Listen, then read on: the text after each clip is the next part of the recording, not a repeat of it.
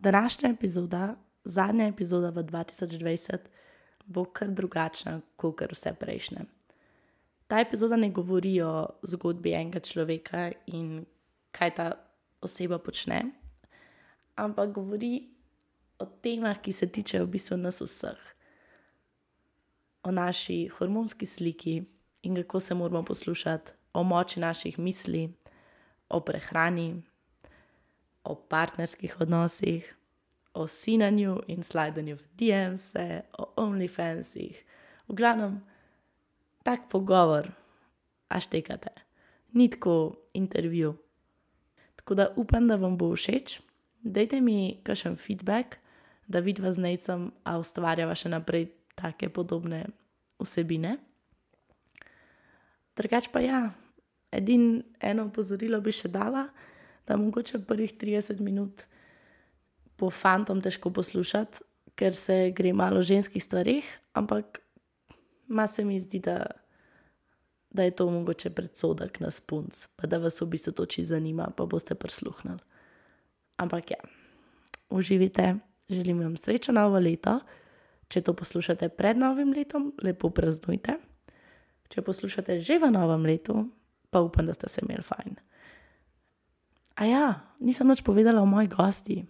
Lana je diplomirani inženir živilstva in prehrane in trenutno se izobražuje še na magistrskem nivoju tega študija.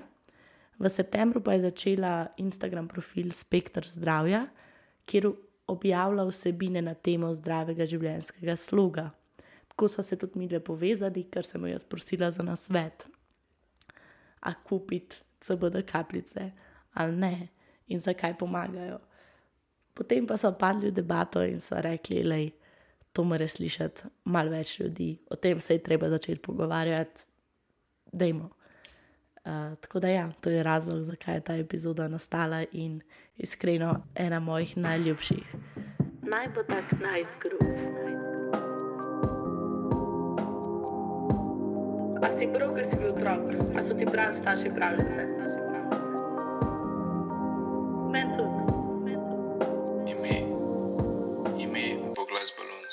pravice?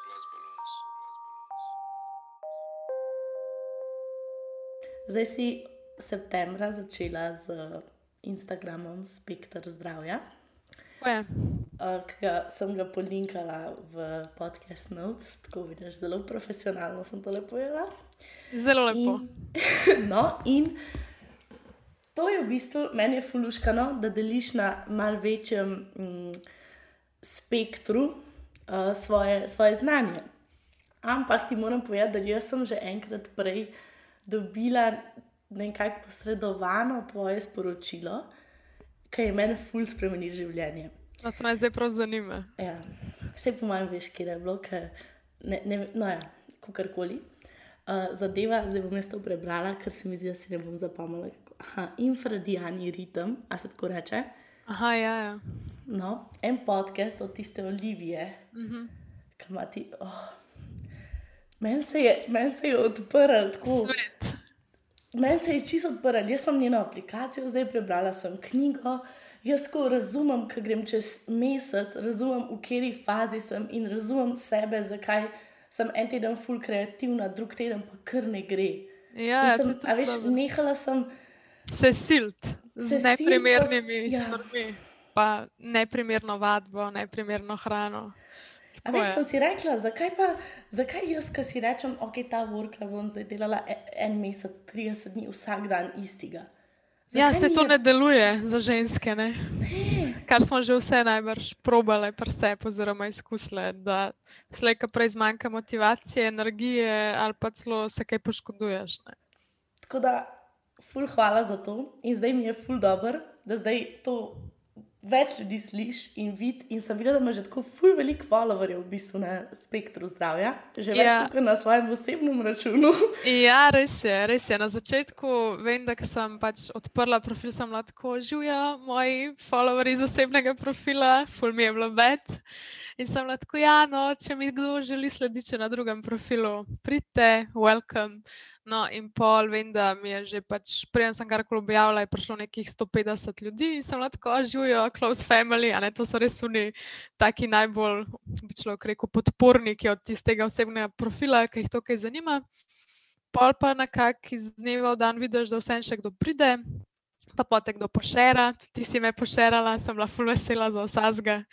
Um, in ja, v glavnem pa vidiš, da ti še neki tako neznanci začnejo slediti, pa pa i tak, se pravi, vsak šer ti naredi veliko razliko, ne, iz vsega konca pridejo in moram reči, da je velika razlika pisati, ko imaš recimo vem, 200 sledilcev ali pa zdaj, ki jih je že čez tisoč, ker imaš vedno, ko pišeš, imaš tako dodatno motivacijo, kot kar zdaj bom pa to res neki masi povedala. Čeprav ne, če primerjaš s tem, koliko imajo drugi ljudje sledilcev, neki influencerji na tem področju ali pa na kjer koli v bistvu. Pa pogledaš, ok, jaz imam tisoč, nekdo jih ima 60 tisoč, ampak le, ja, za, za, za začetek, za prva dva meseca, mislim, da je super. Ne, ful dobro je to. Ker tudi. Um, če se glih pri tem infradianem, infradia, kako se to reče, je infradian. Ja, veš, to je po angliško infradian rhythm. Ne? In potem v bistvu to v slovenščini sploh ni nekega prevoda, jaz sem to kar direkt prevedla. Pogledala sem, če je že kdo kaj v tem pisu ni. Um, v tujini je pa tudi to v bistvu kar nek nov pojem. Oziroma, ta infradijalni ritem, če bi ga posplošili, ne da se nanaša samo na menstruacijo pač menstrualni cikl, pomeni nekaj, kar se v bistvu dogaja mesečno. Imaš ta cirkadijalni ritem, torej 24 ur, kot vsakodnevni naš ritem od vseh, ampak žensko telo pa sledi še temu infradijanemu in sicer nekje 28 dni do 35, odvisno od pač dolžine menstrualnega cikla. Tako da, ja, ko enkrat to poznaš, se potem ravnaš. No, da je povedano, ali nam ga boš predstavljala. Jaz, ja. Vsi fanti, ki to poslušajo, meni se zdi to tudi za vas pomembno, zato ker boste razumeli vse ženske v svojem življenju, ki so po menstruaciji, pa pred menopauzo. Tako je, torej za vse vrstnike in 20 let plus, v plus je, v minus malo manj. V glavnem, torej žensko telo, če, se, če kar začnemo v bistvu prvi dnevi po končani krvavitvi, po menstruaciji začne, je v bistvu telo vstopilo v uh, folikularno fazo. In takrat v bistvu ne zori naše jajčice, in zdaj, da ne bom jaz zdaj šla kle v biologijo in to čisto zakomplicirala, dajmo se samo v bistvu skoncentrirati na prvi dve fazi ciklusa in druge dve fazi ciklusa. In torej, prvi dve faze sta pred ovulacijo, in drugi dve fazi sta po ovulaciji. Torej, pred ovulacijo, to se začne takrat, ko se krvavitev konča, pomeni, da ženska v bistvu bo imela vedno več energije, vedno več zagona. Tako, um, takrat je najbolj primeren moment, za, da res ne vem. Greš prelaufa 10 km, greš na tisti bootcamp ob vem, pol šestih, ne pol sedmih zjutraj, kar je tudi še meni še vedno prezgodino. Ampak te za take ekstremne podvige, za sestanke, za nove projekte, za žurat izven koronskih časov. To je ta pravi čas, pa tudi v bistvu pač sama želja po spolnosti je takrat večja. In zdaj, a ne po ovulacijo prepoznaš po dvigu temperature, tudi po sluz, uh, tej sluzi materičnega vrtu, ki je takrat bolj, mislim, večjo je, pa vse skupaj je tako podoben jajčnemu beljaku. Zdaj, um, to nekaj časa traja, no, da začneš tako uh, opazovati svoje telo, oziroma se moraš tega malo priučiti. Dosti je knjig na tem področju, potem je tudi nekaj profilov že v slovenskem jeziku na Instagramu. Um, tako da, mislim, tista, ki se želi to naučiti, ima kar nekaj možnih verov za to. Torej, po ovulaciji, zdaj, če gremo, to je pa tisti del, ki bi nekako rekel, da se začne žensko telo vedno bolj umirjati. In po ovulaciji, to je potem lutealna faza, in tudi um, sledi pač krvavitev, takrat pa je mišljeno, da v bistvu začnemo jesti malo več, ampak s tem ne mislim, da imam pa izgovor, da grem jesti, ne vem, mafine, pa sladoled, pa same take stvari.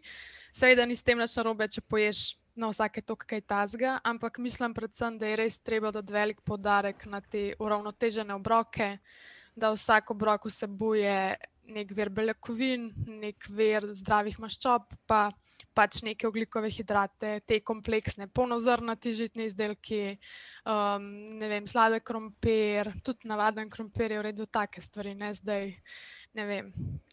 Bel kruh z marmelado. To, to ne bi rekla, da je najboljši, ker v bistvu, če v tej fazi, torej po ovulaciji, če ignoriraš ta moj nasvet za v bistvu ravnotežene obroke, ti bo ta krvni sladkor skozi skako gor pa dol in bo zaradi tega v bistvu bolj lačna in bo zaradi tega bolj tečna.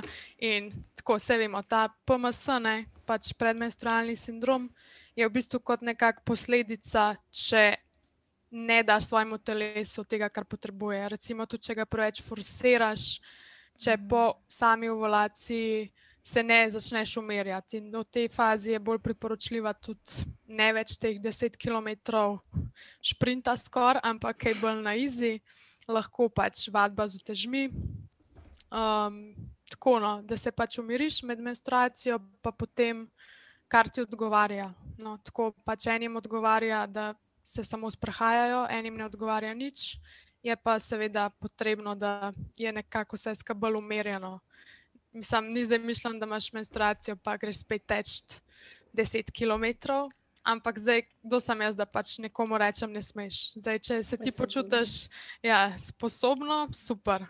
Ampak se mi zdi pa, da je dobro, da večina žensk sliši, da, to, da se ne rabijo gnati takrat. No? Da si lahko rečeš, o, zdaj imam pa teh pet dni nekje zase, da pač delam, kar želim, ker, vem. Hvala, dajte mi mir. točno to, kar si rekla. Ampak, ja, no, um, meni se zdi, da je to je full bed v smislu, da. Um, kako naj to rečem, da se ne bo na robe slišal. Meni, jaz sem full zadovoljna, da v naših časih, da pač ženske isto delamo, se pravi, da smo recimo zaposlene, oziroma da bomo zaposlene enkrat, ko yeah. bomo v odnosu. Pa beremo knjige, pa beremo te podcaste, in pa se razširja se ta ideja o nekem, nekem hustle mentalityju, pa večinoma so moški, ki to pričajo. Ja. In pa nekako ti probaš te stvari na sebi, pa mogoče ne dela. Ja, pa ti zdi na koncu, da neki ni to ustrezalo telesu. Ne? Ja, ja. Prva stvar je tako, no, fakt. Kaj narobe pač z mano? Jaz nisem. Ja, ja, ja, jaz zihar nisem za ne vem, podjetništvo, pa take stvari. Ja, mislim, predvsem jaz, takoj, ko bom mislila na tisti, kaj že 24 urni. To si ti tudi sodelovala na ja, teh maratonih. Ja, all night, res sem tako grozna. In se mi zdi, da res toliko več se tam pojav nekih teh nadobudnih moških, ne vem, inovatorjev, tako da vsak ti čas, da ki papaš s tem, jaz bi šla spat najbolj. Se mi smo šli spat, tako da rano ne te razočaram, jaz sem šla spat. No, to je to, vidiš, to je dobro za hormonsko ravnovesje, čim več spanja.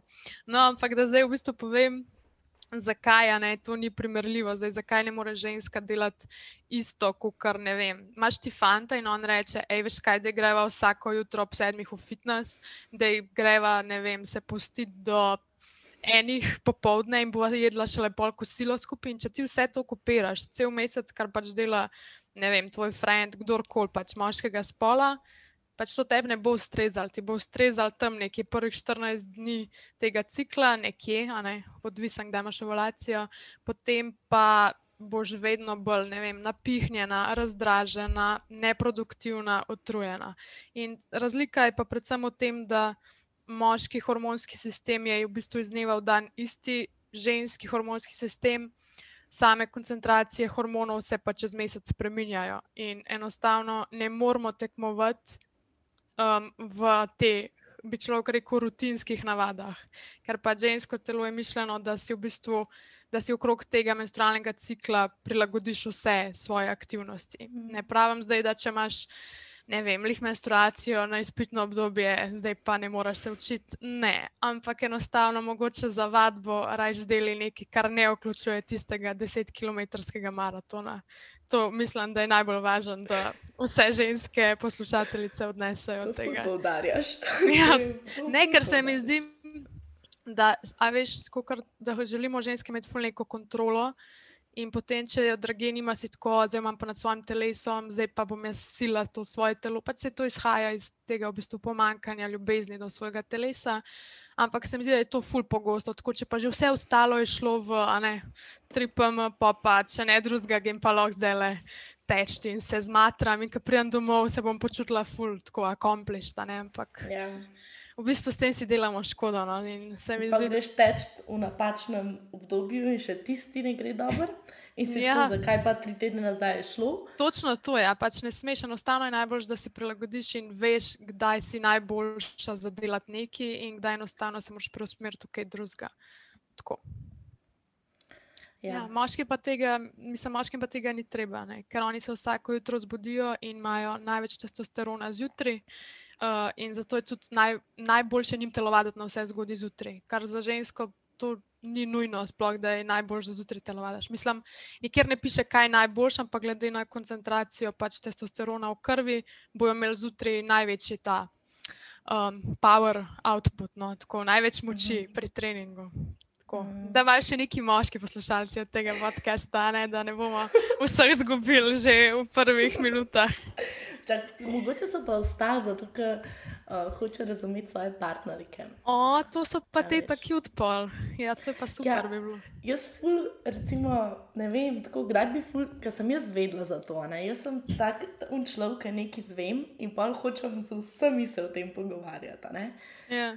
Ampak je pa tako, kako pa to zdaj predstaviš vsem fantom. Ki sploh, sploh ne vejo, da kaj se dogaja s tvojim telesom. Ko omeniš kri, je kot. Ne, ne, ne omeniš tampon in je tako, prosim, nehi. No, ampak dobro, mislim, da take, take smo pustili v osnovni šoli, nekje upam.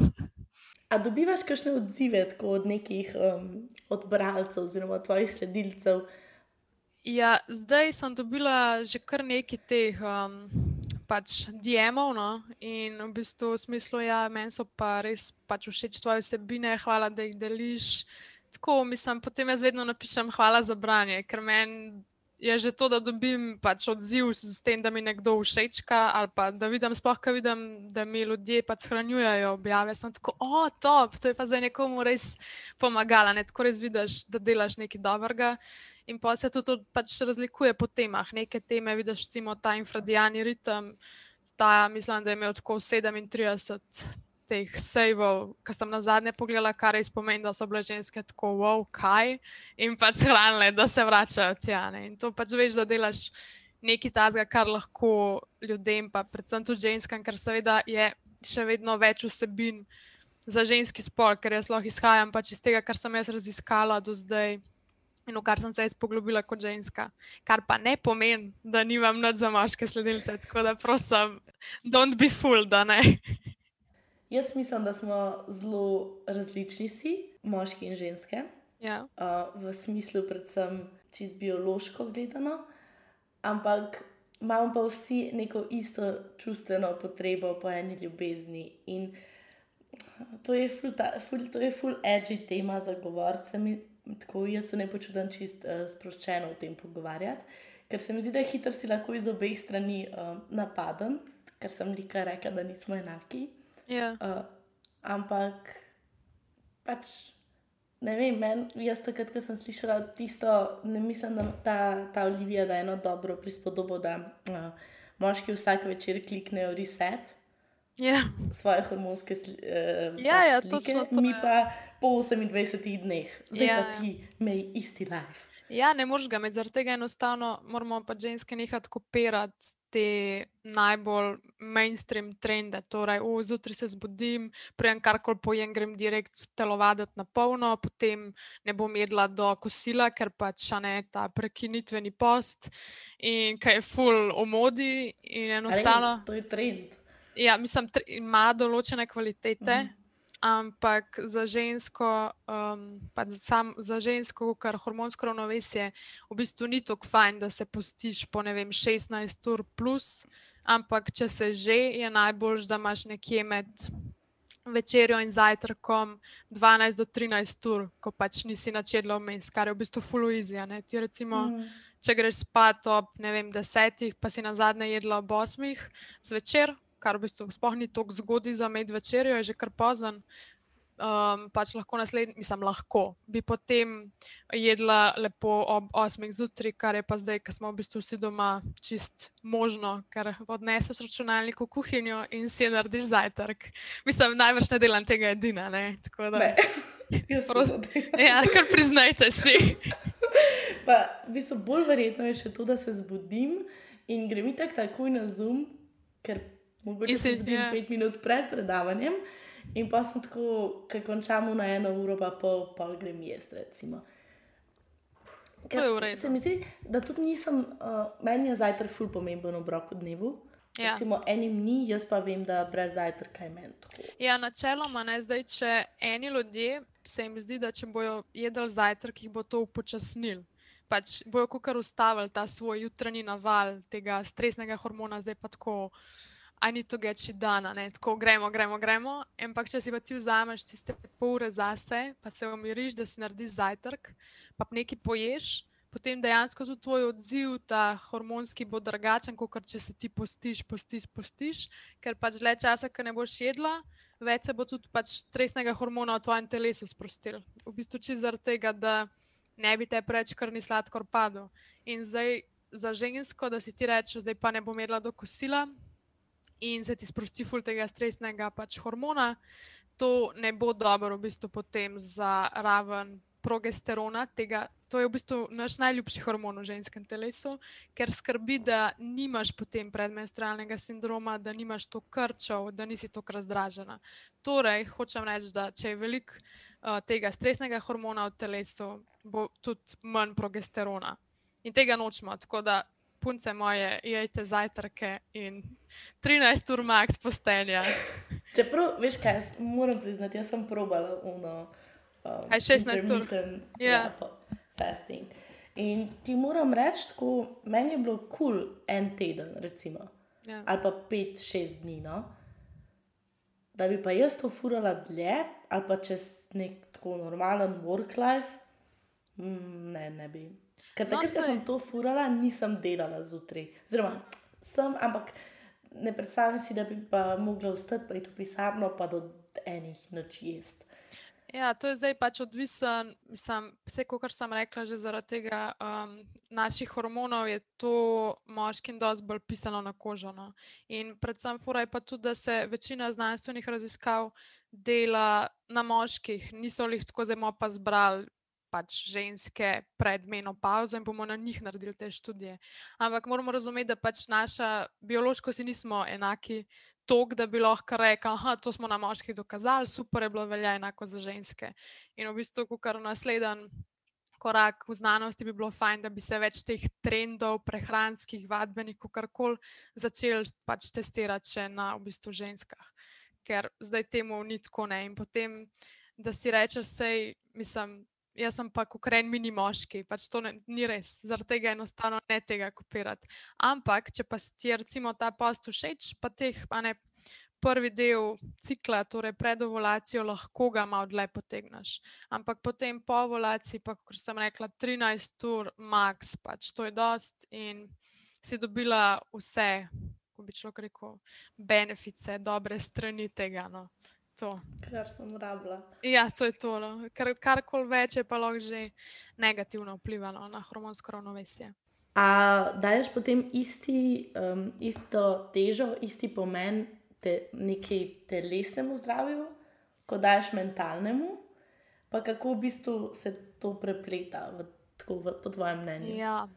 Jaz v bistvu mislim, da karkoli želimo narediti za svoje zdravje, nikoli ne bo dosti, da pač pristopimo samo iz enega zornega kota. Torej, da ti ne spremeniš nič drugega in si rečeš samo, ok, zdaj bom pa začela jesti bolj zdravo, ne bom jedla toliko sladkorja. To bo že veliko naredil, ampak če boš ti cele dneve sedela za računalnikom, gledala v Zoom meetinge in potem zgrešila še tiste neki dnevne svetlobe, ki jo imamo, to enostavno ne bo dobro za tvoje telo, ker naše telo je zelo odvisno tudi od te dnevne svetlobe, ker nam tudi to regulira same hormone. In kot tako bi jaz rekla, da če se želiš bolj počutiš, počutiti, uh, moraš iti nujno ven, se moraš nujno gibati. In zdaj najbolj, kar lahko narediš, je, ne, da greš kaj v naravo se gibati. Ampak kar pa v bistvu študije pravijo, pa da tudi redno gibanje je v bistvu dokazano zelo, ima velik antidepresiven učinek. Tako da preden pač v bistvu pomisliš na kakršne koli antidepresive, bi se bilo treba vprašati, ali res delam dovolj, oziroma ne zdaj res delam dovolj, pa da se potem, ko kar kaznuješ, jo je res problem, v meni ne. Ampak, a kažem dovolj ljubezni svojemu telesu, a grem kaj ven, a se kaj gibam, kaj jem, pa, pa seveda tudi s kom se družim, kakšne ljudi imam okoli sebe. Zdaj, ne, vem, da vse družine niso najbolj funkcionalne, tako da to težko zbereš, če še vedno živiš doma. Ampak lahko pa zbereš ljudi, s katerimi se družiš, pač svoje prijatelje in ne vem, svoje partnerje. No, in kar zdaj, to je fulno dolgo povedan, ampak. Ne, ampak lepo. Ja, ampak iz, samo iz enega zornega kota ne moreš narediti veliko. Moraš v bistvu mm. vedno tako celostno pogledati, kje bi lahko izboljšal v bistvu in pristop k svojemu te, fizičnemu zdravju, no, in, in ker to bo hkrati pripomorilo k boljšemu mentalnemu zdravju. To, to se ne izključuje med sabo. Tako da za boljše počutje je treba in se gibati, in malo bolj uravnoteženo jesno. Torej, da ne, ne jemo jih za zajtrk, kavica, rogliček, za kosilo, pica, za večerjo, ne vem, kebab, pač to, to ne bo dolgo funkcioniralo bolj tako, yeah. ne. Ja. Te uravnoteženi obroki, potem pa mogoče, ko imaš še en fajn kosilo, si rečeš, no, zdaj legim pa še na en brownie s kolegico pa na kavico. Da v bistvu prakticiramo teh 80% to, kar je dobro za moje telo, in 20% to, kar je dobro za mojo dušo. Tako. Tako, to si pa tako po italijansko povedala, jaz si predstavljam. Tako malo hedonistično, ja. teh 20 posto. Ja, ampak to je res pomembno, zato ker čim da si ti rečeš, zdaj pa lej, delam cele dneve, oziroma učim se cele dneve. In nimam časa ne za vadbo, to si eni rečejo, eni si pa rečejo, ok, ful sem zasedena, zdaj bom pa ful tekla, zdaj bom pa vse greš na 100 postov. Ampak teh 100 postov ne deluje dolgotrajno. Tudi da si ti rečeš, zdaj pa ne bom pojedla nobenega piškota, tudi to ne bo delovalo. To bo delovalo en teden in potem boš prišla k babi za vikend in ji boš pojedla celo shrambo, pa še štrudali boš naročila, da ti ga speče. Tako da se mi zdi, da na koncu pa je tako še tako, pa te pa slaba vest prime, zakaj. Ja, ja, in je men, pač mentalno v bistvu ne bo v redu, da si se tako zagnal v 100% healthy lifestyle. Ker enostavno, če greš 100% v to, to bo slabo za tvoje mentalno zdravje. Lahko bo dejansko potem v prehranske motnje in to ortoreksijo, ki je v bistvu obsedenost z zdravim načinom življenja. Mm, to obstaja. Ja. Tell us more, to je, to je pa zanimivo. Ja, da ne bistvu... bo samo anoreksija, pa bulimija. Ja, um, to anoreksija bi bila, ne, da v bistvu se omejujejo, kako pojejo, bulimija, da imaš razne epizode prenajedanja in potem bruhanja. Pri ortoreksiji gre pa v bistvu, da si močno, močno obseden z načrtovanjem svojih obrokov, z načrtovanjem svoje vadbe. Recimo, ti si rekla, ok, da bom zomedla to, pa to, in te pokliče kolegica, hej, um, a greš danes malo na kosilo, pa bi šla probat, ne vem, tiste nove testenine v res dobri italijanski restauraciji in si ti rečeš. O, ne, to pa sem sorry, ne morem si nekaj izmisliti, samo zato, da si lahko doma in ješ tisto svojo solato, ne vem, s piščancem, ker veš, da je to bolj zdravo za te, manj kalorično. Se ima pa vsak neke svoje ideje. Hoče, da je manj mm. kalorično, ali hoče, da je čim bolj proteinsko, oziroma se veš, te bodybuilding. Um, ljudje so lahko tudi s tem obsedeni. Mislim, yeah. Ja. Dejansko obstaja, da predvsem fanti, kakšni, ki težko pridobivajo na mišični masi, potem rade obsedeni s hranjenjem, v smislu, zdaj moram pa pojesti, ne vem, deset obrokov, riža in piščanca in še drugih kombinacij, in zaradi tega skenslajo svoje ostale aktivnosti v življenju. In to bi se tudi uvrstil pod ortoreksijo. Oziroma, mislim, da obstaja celo en izraz bigoreksija. Ki se nanaša točno. Ja, prav bigoreksija v smislu, da hočeš biti vedno večji in ja, to uvera um, ostale tvoje življenjske aktivnosti pač kakorkoli se mi zdi, ne vem, probavaš nekaj, pa probavaš drugo stvar. Pa enkrat se, kdaj med, izpitno, med izpitnim se bolj vržeš vem, v faks ali pa imaš neko obdobje, ki moraš tam nadoknaditi, se mi zdi, da ko greš v plus nekje, se pravi nek, čez nek, nek balans, Ja. Moš pa tok nazaj dobiti, da priješ v nek svoj ritem. Ja, Ampak- res je. Meni men vedno tukaj pol pade na misel, recimo jaz res ne želim imeti takih epizod, da, imam, da, je, da je neki v skrajnost, pa neki pol nazaj dajem, pa pol naprej, ja. ker mene to ful utrud. A si prebrala knjigo Why We Sleep?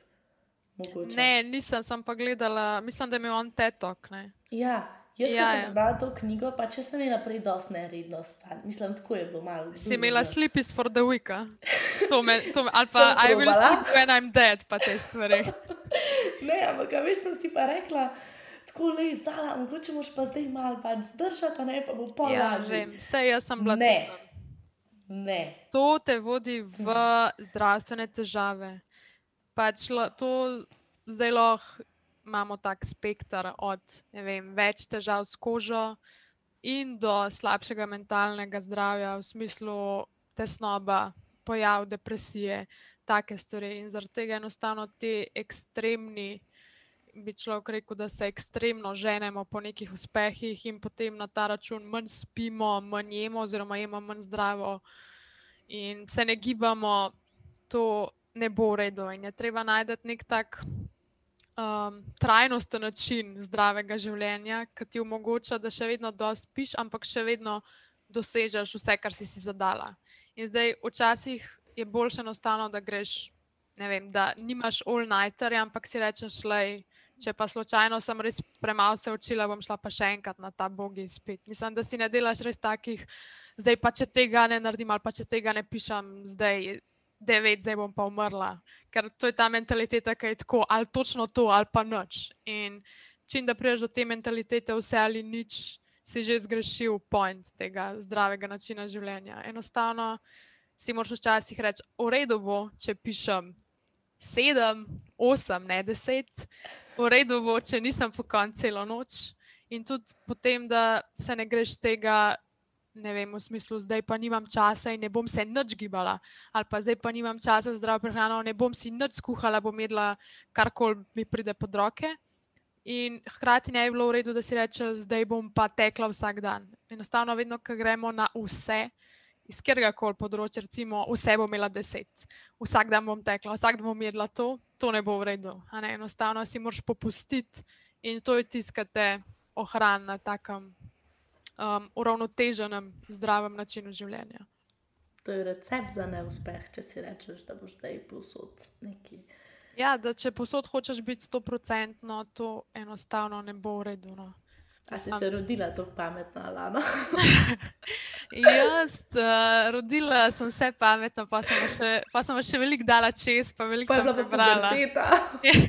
Veliko sem prebrala, veliko sem dala v glavi čez, da, da zdaj tako le upam, da komu pomagam. No. Če ne drugega na Instagramu, je zihar, kaj uporabljam. ga. Meni se ful zdi, da se je razširila ta ni. Oziroma, vsaj v tem bablu, ki sem jaz, recimo, se je res razširila mentaliteta. Lej, zdaj si mlad, zdaj lahko delaš, zdaj imaš največ energije. Um, zdaj imaš tudi, a veš, tist, zdaj imaš un cajt, da, da, da ti res rata, in pa si pod 30 star in je full dobro, ker ti že rata, ker so ostali še le začeli in pa lahko ti Ja, začneš. ne boš vem trti, kaj. under trti, ja? te, te stvari. Tudi- Ja, recimo, meni se zdi 30 under 30 najbolj zgrešen koncept, ali pa 50 under 50, pač, ki ga sploh lahko svet ima. Ja. Zakaj bi to imel? Ja, v bistvu ne.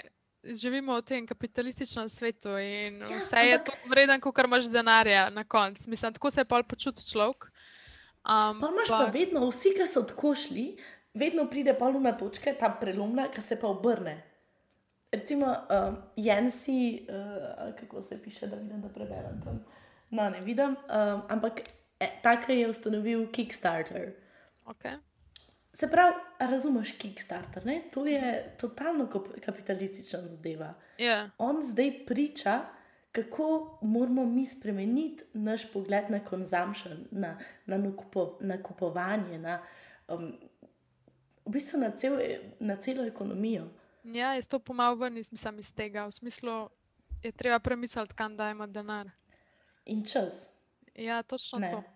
V glavnem, zdaj, če greva na to, kar si omenila, da se nam vsem nekam mudi, da bi vsi radi bili pred svojimi vrstniki. Ker, valjda, če pogledaš, se mi zdi, da želja večine ljudi je tako, uf, jaz bom pa pri 25, ne vem. Imela že svojo firmo, jaz bom imela full denarja, in ne vem, eni pa takrat čele končajo faks. Tako, ampak, če, če gremo zdaj še malo na psihologijo, to je nekaj, v bistvu, s čim boš ti nahranil svoj ego. Ta svoj najbolj bi šlo rekel, primitiven del tebe, ki te želi zaščititi v bistvu pred nekim slabimi stvarmi. Oziroma, on si razlaga, da je slabo, če te drugi obsojajo, da je slabo, če te drugi vidijo kot povprečnega, bog ne da.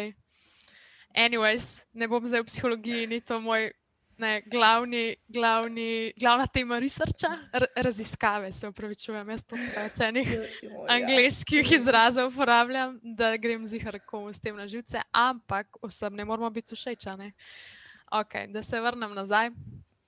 Torej, meni se zdi, da bi bilo zelo fajn, da je tako za mentalno zdravje in fizično zdravje, predvsem mladih, da spremenimo svoj odnos s časom, Mislim, kaj se pa zgodi, ko si enkrat 31, a takrat pa nimaš več časa za uspet. Mislim, meni se zdi, da ta J.K. Rowling, ona je te svoje knjige o Harry Potterju po 40 letu zaslužila bajne, bajne denarce. Ne? Tako da, kaj pa prej delala, vem, da je bila večkrat zavrnjena, ne poznam zdaj res točno, kaj se je dogajalo z njo.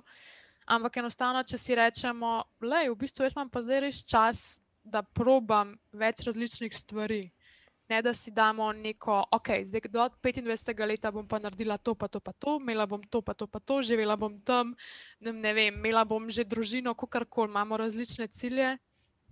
Uf, ta pogled je bil bog ne da. No, ja, ampak hoče reči, da enim je tudi to že. Enim potem, poleg tega, um, da se ženejo za uspehom, se na koncu ženejo še za partnerjem, se ženejo za družinskim življenjem. In zdaj si lahko predstavljaš, da ta stres, ki potem pade nekomu v bistvu v naročje, zaradi tega, ker si, si sam ta stres naredil. Enostavno, če si rečeš, da ja, si, si, si to naredil. Ja, ja, sa, to je vsak, to je self-imposed stres, ne bi temu rekel. In najboljše je enostavno, da si rečeš, ok, zdaj imam čas, da ne vem, bom delala malo na tem startupu, zdaj imam čas, da si vzamem, ne vem, ta, kar gapir, ki si reka, joj, veš, jaz pa še nisem diplomirala. Pač koga to zanima? Važno je, kaj narediš vmes s tem letom. Pa zdaj spet, aj kaj narobe s tem, če enostavno skrbiš sam za svoje mentalno zdravje. Če pač za to bila potreba po gepiru, čist noč ne s tem narobe.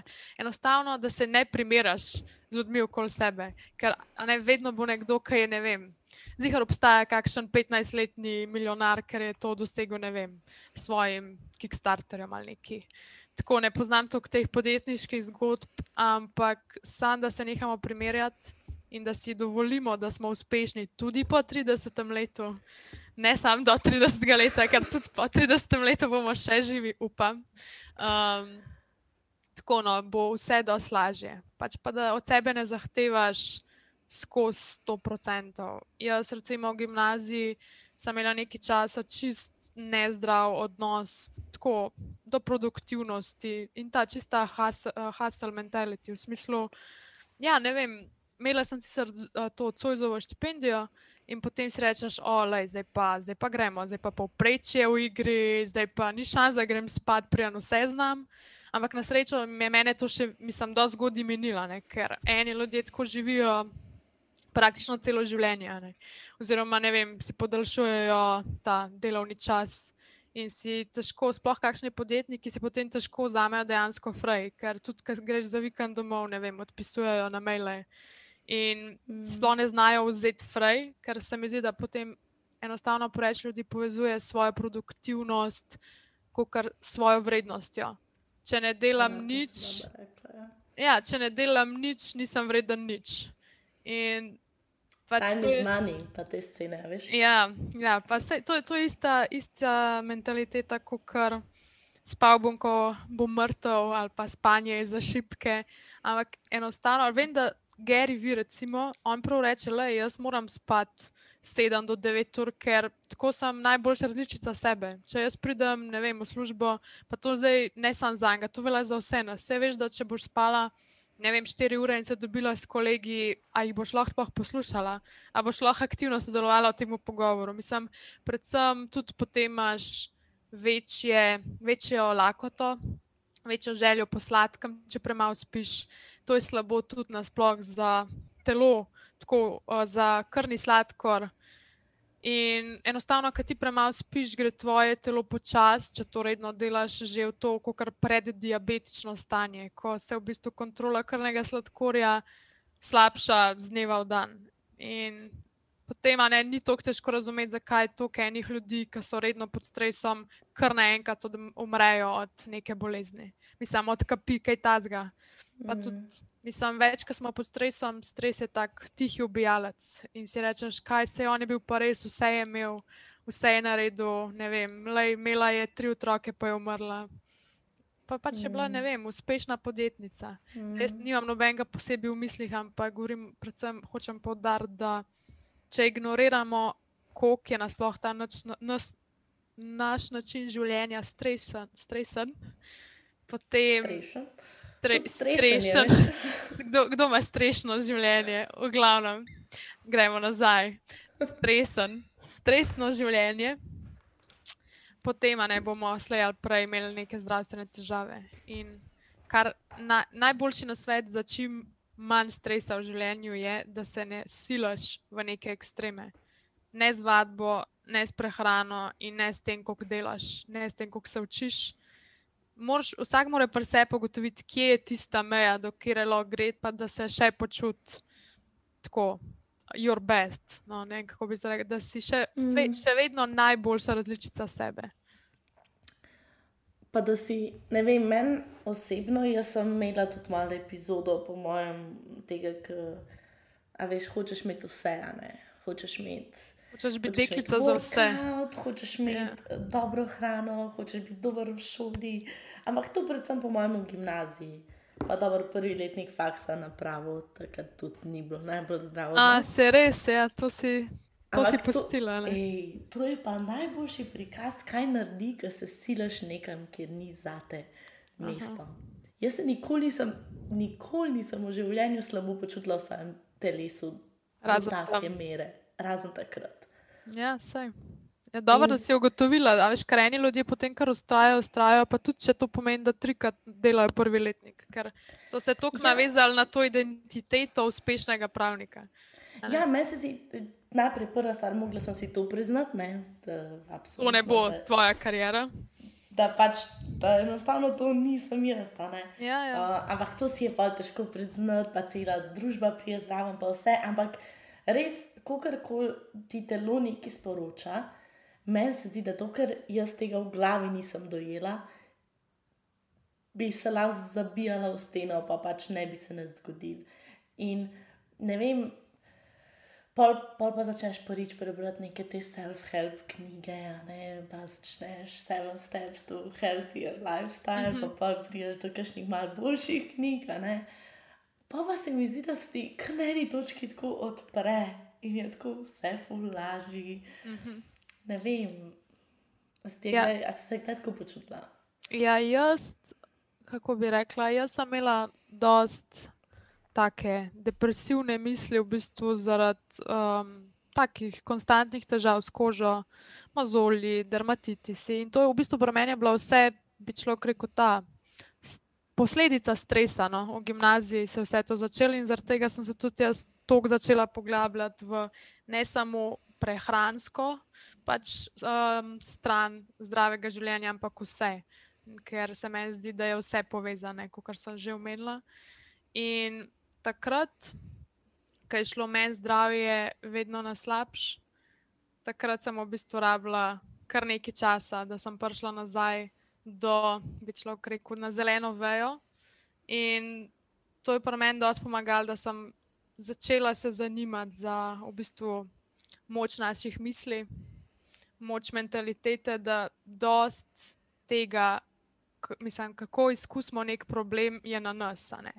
Recimo, ti lahko za nek problem se odločiš, da enostavno iščeš rešitve za njega, ali pa se začneš v bistvu s tem ponavljajoče misli začneš dobivati, kako je nekaj slabo, jaz nisem dovolj vredna zaradi tega. Ali pa ne vem, recimo, če greva še v tvojem primeru na gimnazijo, nekaj si pisala tri, pa ful se ti gre za povprečje.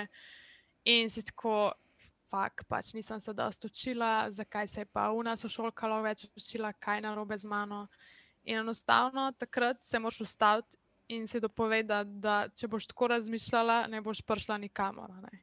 In pri meni taka knjiga, ki bi jaz rekla, da me res.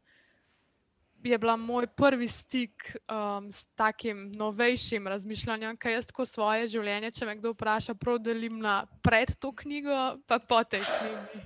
Ne, pač okay. res, sej, tega, tega, tega ne govorim tako pogosto, ker se mi zdi, da zdaj smo vsi že nekako obkroženi s temi um, psiho, mislim, Instagrami, ki se ukvarjajo s psihologijo, ki nam predstavljajo razne te travme, pa da nismo mi naše misli. Ampak, glavno, meni je bila prva taka knjiga The Power of Now, ker zdaj to sem jaz prebrala že nekaj štiri leta, plus se mi zdi nazaj. Tako da zdaj točno vsega, vseh poglavij ne bom zdaj kle naredila obnove, ampak kar sem si najbolj zapomnila iz te knjige je, da te on nauči, da moraš začeti opazovati svoje misli, ne, da se mhm. ne identificiraš z vsako mislijo. Da če ti dobiš v glavo, nisem dovolj vredna, da ne zapadaš v tak loophole, ki te bo ocanšal bolj temne misli in potem neke te depresivne epizode. Ampak da znaš videti to misel, ok, ampak se ne strinja z njo. Si rečeš, le, pač razumem, da je to v meni vzbudilo neke slabe misli. Ampak jaz vem, da to ni res. Jaz vem, da enostavno sem naredila najboljš, kar sem lahko v tistem časovnem obdobju, oziroma tako, da delam najboljš, kar vedno lahko. To je nekako tudi tak moj velik moto, da probaš iz vsega, kar se ti zgodi, yeah. Ja. potegniti v najboljš. Ne, to, to kar si omenila, ne, The Power of Now, um, jaz sem te sicer prejšnji teden, ne, ali pa prejšnji teden, nekaj ta časa nazaj. Ja, ja. Kjer je bila ta knjiga in seveda sem si jo pa prebrala. Ja, kaj vi tudi izpostavljate to, ne, te knjige na podkastu. Ja, mi to smo mi pa full bereva. Pač, ja, no, vse lepo, bist... ne, da vsak paket. Na križ najnega prijateljstva je pač branje. branje Sicer, ja. On bere malo drugačne knjige, kaj jaz berem ampak pol vsake to pa najdemo nekaj skupnega. Ampak um, jaz zdaj le berem knjigo, ki sem jo pa, uh, na, mislim, da sem jo na ideji od uh, Klemna Salakoviča na, na podkastu slišala, od uh, Michael Singer, Untethered Soul. Okay. Je pa pač v bistvu isto govori. Fora je, da on uh, je bil nek software developer, full uspešen. Ampak, seveda, vedno pride do tega amka. Ampak, ampak ja, kaj sledi?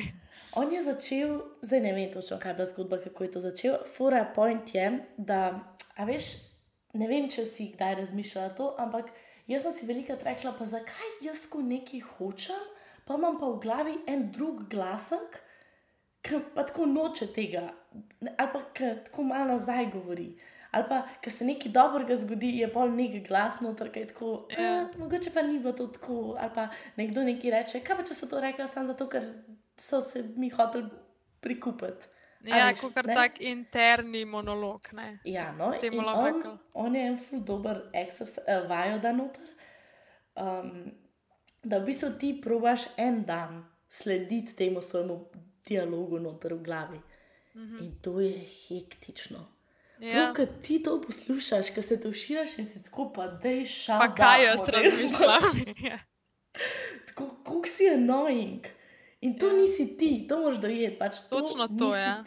Naše misli niso enako, to smo mi. Pač, recimo v tej knjigi um, Eckhart Toll on prav reče, da če ne znaš se postaviti v to vlogo opazovalca svojih misli, da potem enostavno si identificiran on ti mu reče monkey brain. Torej, tako kot tista, uh, a veš, tista opica, ki tako s činelami skupaj ploska. To, to je v bistvu prispodoba, kot kar monkey brain, da se dogaja karkoli se hoče, čist na ključno in ti vsako misel zagrabaš. Nisem dovolj vredna, jaz sem debela, jaz nisem dovolj uspešen, ne vem, nimam dovolj denarja in ti greš za to mislijo in se voziš z njo cel dan po glavi. Gre, in zdaj, kar se moš ti naučiti tako nasplošno, to, je, to ti zmanjša že full stresa v življenju in ti tudi lažje zbereš boljše romantične partnerje, boljše prijatelje. Ja. Vse, če samo razumeš, recimo, tebe bo nekaj ziritiralo in se moraš vprašati, ok, to me je ziritiralo, zdaj ne grem direkt nazaj v napad, ampak se vprašaš, zakaj me je to ziritiralo.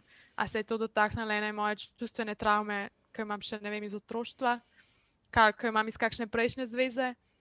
In s tem, ko nehamo biti reaktivni, takoj na vsako misel ali pa na vsak nek um, ta sprožilec, no, trigger iz okolja, dosta boljše odnose lahko tudi izpostavimo. No, Ampak v tem primeru, ne, če se ti to vprašaš, če se ti vprašaš, zakaj se jaz tako počutim. Si že stopila ven iz tega kroga. Ja, hkrati si pa moraš pa priznati neko bolečino.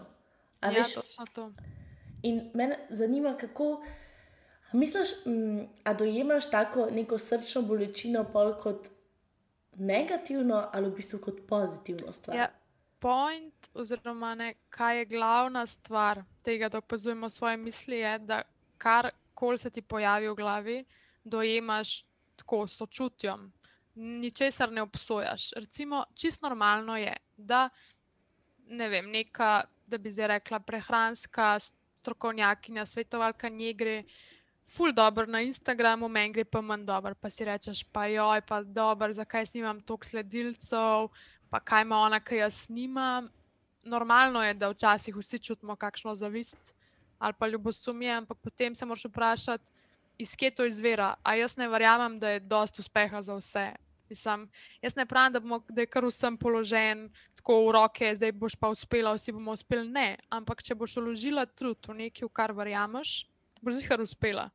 Ne, to ne pomeni, da tvoj uspeh iznič možno za uspeh ene druge ekonomistke. Recimo. To se dobro rekla. Ja, ja ker to, to je dost tako, recimo tudi ne vem, tisti uh, quote oziroma rek, kaj je tako. Ne rabiš biti lepa, tako kot je lepa ena druga ženska. Ti si lepa, kot ti.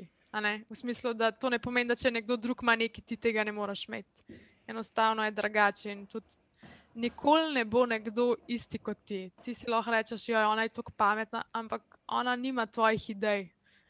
Vedno, če sam verjameš v to, da je prostor za vsazga, da dobi svojih pet minut oziroma 50 let slave, kot karkoli pač se nehaš v bistvu tako uh, ukvarjati s temi, oziroma manjkrat dobiš v glavo take misli, zavisti, ljubosumja in tako. Pač verjameš, da vsak mu lahko uspe in verjameš v svoje sposobnosti. In to je nekako tisto, kar ti daje tako bolj umirjeno, umirjen life, no, umirjeno življenje in pa tudi lažje prideš do tega uravnoteženega, zdravega življenjskega sloga, ker nisi več, o, zdaj pa ne smem več spati, moram delati celo noč, zato da bom nadoknadila, da bom taka kot oni. Ne, pač ti si ja. tak, kot si ti in naredi najboljš, kar lahko v danem momentu. In včasih je to ena ura dela, oziroma študija na dan, včasih je to, da greš ven na sprehod. Včasih ja. pa, če imaš full energije, boš pa komod se učila 8 ur, recimo. ali pa delala 8 ur. Veliko ljudi tako dela vsak dan, ampak hočem reči, da se ti z nekom primeraš, bo vedno nekdo, ki bo boljši od tebe, pa nekdo, ki bo slabši. Ampak če ti iščeš te primerjave in se potem naslajaš na tem, da so eni slabši od tebe, to je spet v bistvu kukar hrana za tvoj ego. Ful je nezdravo. Ta, ta odnos je ful nezdrav, ni dolgotrajen, ni sustainable. Ja. Ni... Ne, vedno, vedno boš rabil spet novo hrano, vedno se boš rabil spet nad nekom povzdigati. Yeah. Ja. Oziroma, uf, ja, le sem boljša kot ta, boljša kot una. In... Se mi zdi, da vedno več tega rabiš. Veš, to je tako zelo ja, ja, ja, heroinski je... odnos. Točno to je, vse odvisen od tega. In zdaj, kaj narediš s tem, ko se začneš malo ukvarjati s tem osebnostno rastjo?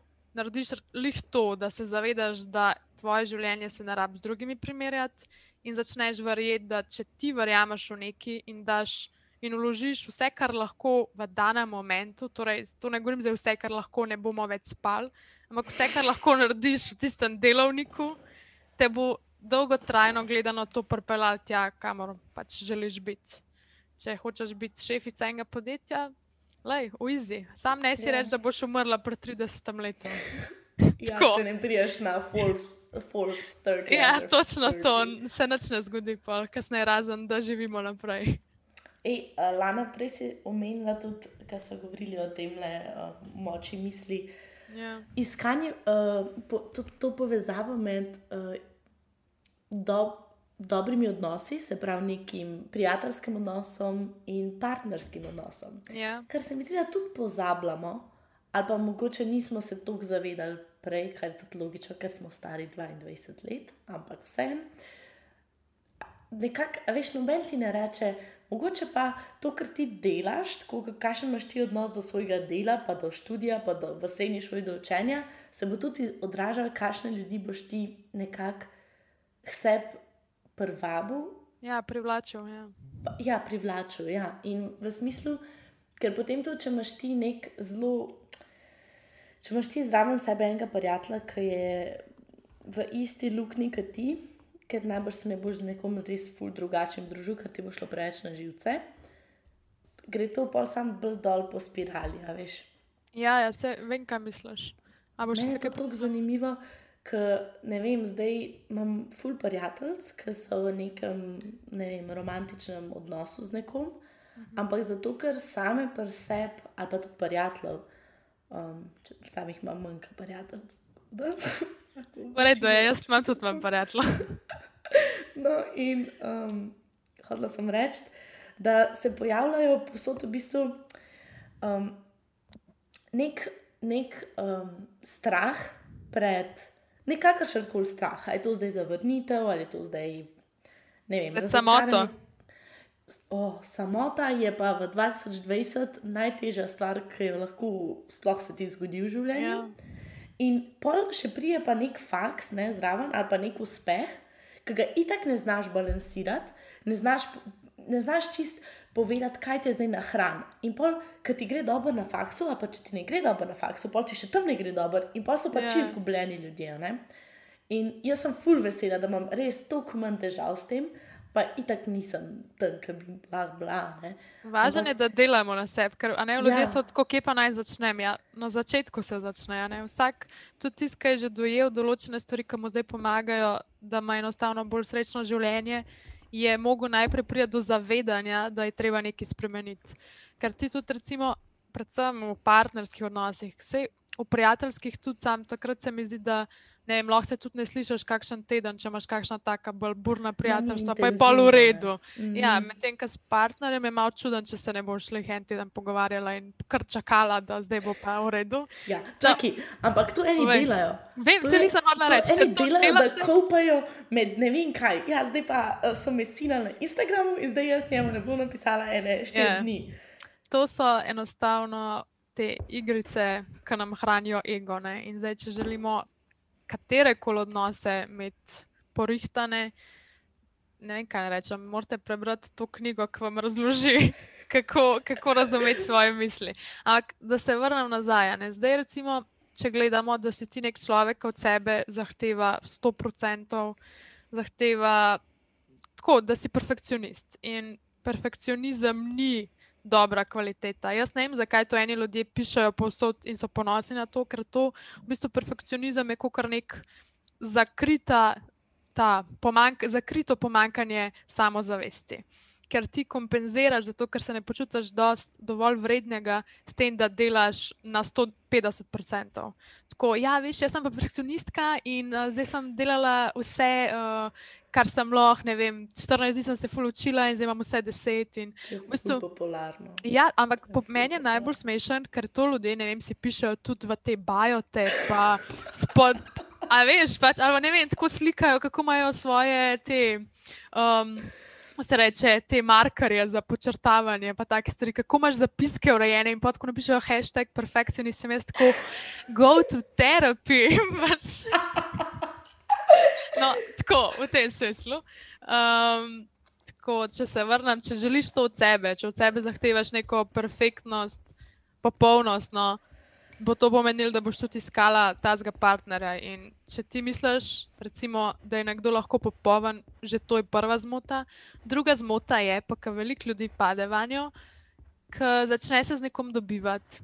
In recimo si rečeš, ok, sej to je vse super, ampak ok, to mi pa ni to košič. Ampak le, sej če bo mi dva dolg časa se dobivala, se bo zihar spremenil. In zdaj, kar se moramo naučiti, je, da nobenega ne moreš spremeniti razen sebe. In pol se velikim ljudem, ki grejo v zveze, zgodi, da ne bi na sebi delali, ampak bi radi od svojega partnerja, da je drugačen, da se spremenja. Ampak zdaj ti nobenega ne moreš prisiliti, da se spremeni. In to je kle največja napaka, ker včasih ljudje izbirajo dejansko ljudi, ki jih je treba ful spremeniti. Ker jim jaz rečem, kot da zbereš en projekt. In ker si ti zbereš projekt, ti enostavno vso pozornost, ki bi jo ti mogla dati na sebe in delati na sebi, posvetiš nekomu drugemu. In ti si pol klej, kot kar angel v tej zgodbi, nekoga mm. rešuješ, ti si poslana tam od ne vem koga, da njemu polepša zdaj življenje in ga spremeniš v boljšega človeka. No, to ne obstaja. Obstaja edin, če se recimo oba partnerja odločita, da bosta imela bolj funkcionalen odnos in redno komunicirata. In recimo, ko smo prej sva govorila o teh, kar triggerjih, sprožilcih, da mhm. se znaš zaustaviti, prijem nekoga napadaš. Ne? Recimo, da ti, ko ugotoviš, da te je nekaj zmotil, rečeš, veš kaj, to pa, kar si prej rekel, to mi pa ni bilo v redu, zaradi tega pa tega. In potem, če je tvoj partner na tem enakem nivoju, da on tudi želi funkcionalen odnos, bo rekel, ok, razumem, zakaj pa te je to zmotil. Tako pač s pogovorom prideš naprej. In potem, tudi ko se ne strinjaš, če je ta konflikt izveden na tak funkcionalen način, se boš po tem konfliktu nesporazumu počutil še bolj povezanega, kot pred samim tem, ker si rekel, o super, lej, če grejo pa lahko čez to, pa, pa tudi, ko se pač ne, mislim, ko se mm. bova strinjala, bova pa sploh super. Tako, no, jaz tudi malo iz svojih izkušenj govorim, ampak to dejansko, mislim, dejansko je to, so stvari psihologije in če je mene še kaj poleg zdravega življenjskega sloga zanima, je ravno to, kako pač usmeriti svoje misli. Ja, točno to. Ker to je, ja. ne, če si ti tu, če si ti skozi govoriš, da je vse živo, zdra, mislim, zdravstveno stanje tvoje ful slabo, ali pa da si pri neki diagnozi govoriš, zihar bom umrla. Na koncu je večja šansa, da če si to skozi govoriš, da dejansko si ti to potem uresniči. Ker ne vem, so bile razne študije izvedene, ki daješ ljudem enim daješ sladkor v tableti, enim daješ pa dejansko zdravilo. So, ne, zato se testira s placebom. Ker ti ja. lahko, recimo, ti daš sladkor usta in zdaj ti oni rečejo, veš, tale sladkor, mislim, ta tableta, kot kar zdravilo, to bo ja. pa zdaj, ne vem, zdaj boš pa zaradi tega manj tesnobna. Recimo. Pa si ti rečeš, ah, ok, zdaj sem pa jaz vzela to, zdaj bom pa manj tesnobna. In na koncu ugotovijo, da določena zdravila sploh niso boljša od placeba. In ravno iz tega je pol mislim, še v znanosti dokazujejo vedno znova in znova, koliko lahko naredimo samo s tem, da mi razmišljamo, da nam nekaj pomaga. Tako, no. In ja. zdaj, če ti razmišljaš lih v drugo smer, valjda, da mislim, enako vredno vpliva na tvoj živčni sistem in potem iz živčnega sistema, seveda, na tvoje celotno telo. Meni je bilo um, všeč, da si začela govoriti o perfekcionizmu, ker to je ena izmed mojih ljubših tem za se pogovarjati. Uh, zaradi tega, ker jaz sem imela enega mentorja včasih, uh, ki mi je dobro rekel, da sem včasih perfekcionistka, zdaj sem pa ozdravljen perfekcionist. Ja, in pa je, no, vidiš. In pa je, da je full dober quote, pa se tako basic, ampak um, perfect is the opposite of done. Ja, pač dokler boš ti skozi gledala, da bo neki perfekt, ne boš pač nič naredila. Točno to. In recimo ta podcast, me je bilo grozno to vendati. Jaz, ja. Lana, jaz sem prvo noč, jaz sem do štirih po koncu. No, nisem ja, pa kar gledaš od spala, sem, pa nisem spala, veš, ja. sem pa tako v glavi. Kaj si bodo ljudje mislili? Pač, kaj jaz delam? A lahko ja, ne tega moj, objavim? moj zvok, oziroma moj glas, posnet. Mislim, ja, že to zdaj, kaj sem. Si lahko hecali z mene in ja. poslušali. ja, ampak pol, ne, enostavno, zdaj si moraš spet do, nazaj do svojih misli in si reči: Alo, pač v redu bo, jaz delam nekaj, dajem ven uporabne stvari. In ne, isto je, ne vem, kar koli delaš, mislim, na kjerkoli uh, platformi se udejstvuješ. Se vedno lahko tako, joj, pa to zdaj ni na takem nivoju, pa jaz bi mogla še to, pa bi mogla mikrofon.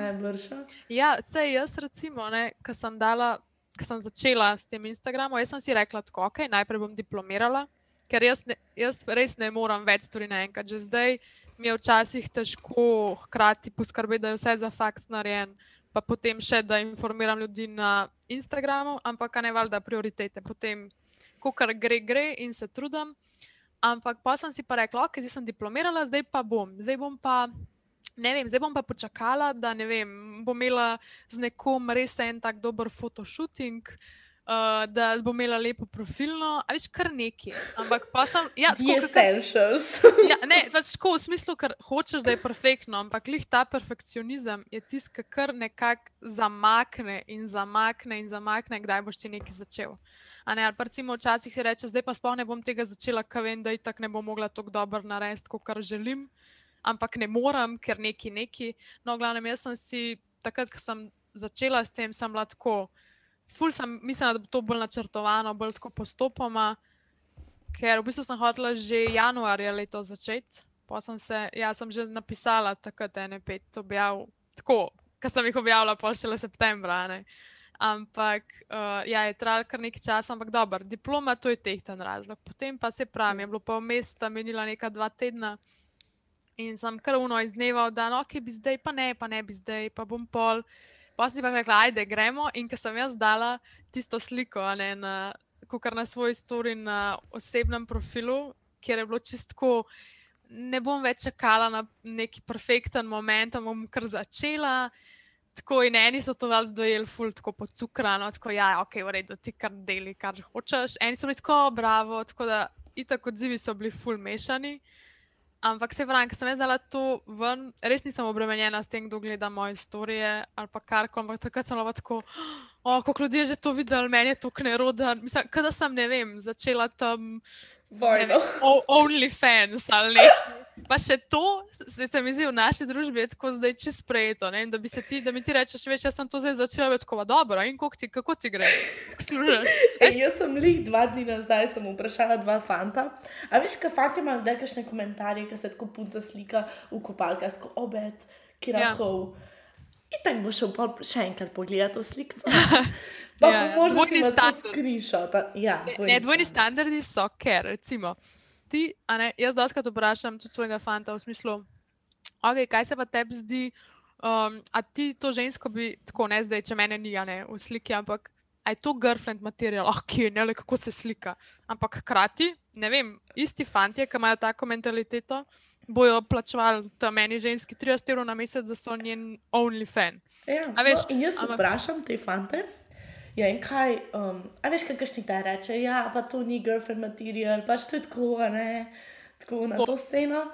In vprašam, ja, a pa, pa vi bi dejtali tako punco, pač, če fura OnlyFans. Pa tako, ma ja, ja, valjda da bi, ne, pač. in sem malo tako, ha, ok. Pa, pa, a, pa, a pa vas kaj skrbi, da bo zdaj to, to tako razširjen, kot je v LA, recimo, da pač imajo vsi OnlyFans.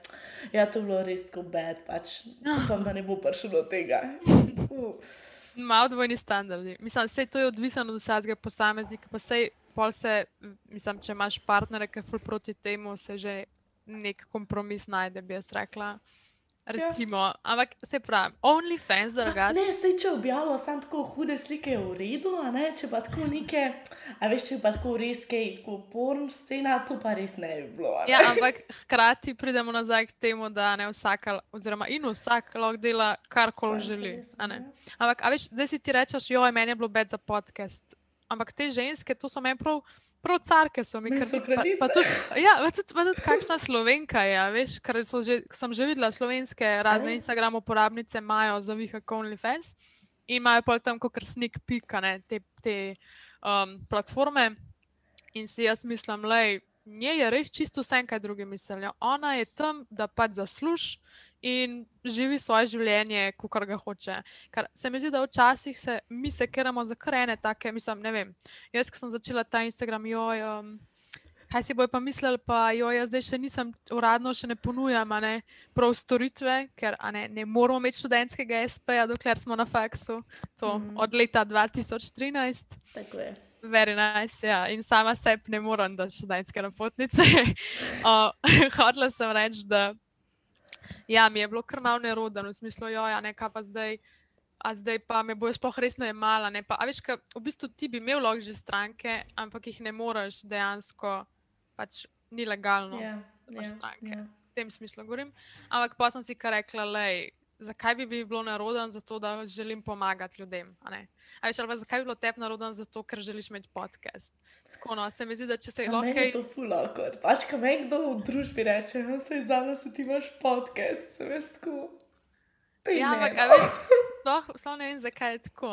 Mislim, meni tudi, če mi kdo reče, ok, sem že slišala, kje si spektrček ali pa kje si spektr zdravja in sem tako, uh, ej. Ja, včasih objavim kaj pametnega. Um, ja, to sem jaz, Juja. Živja.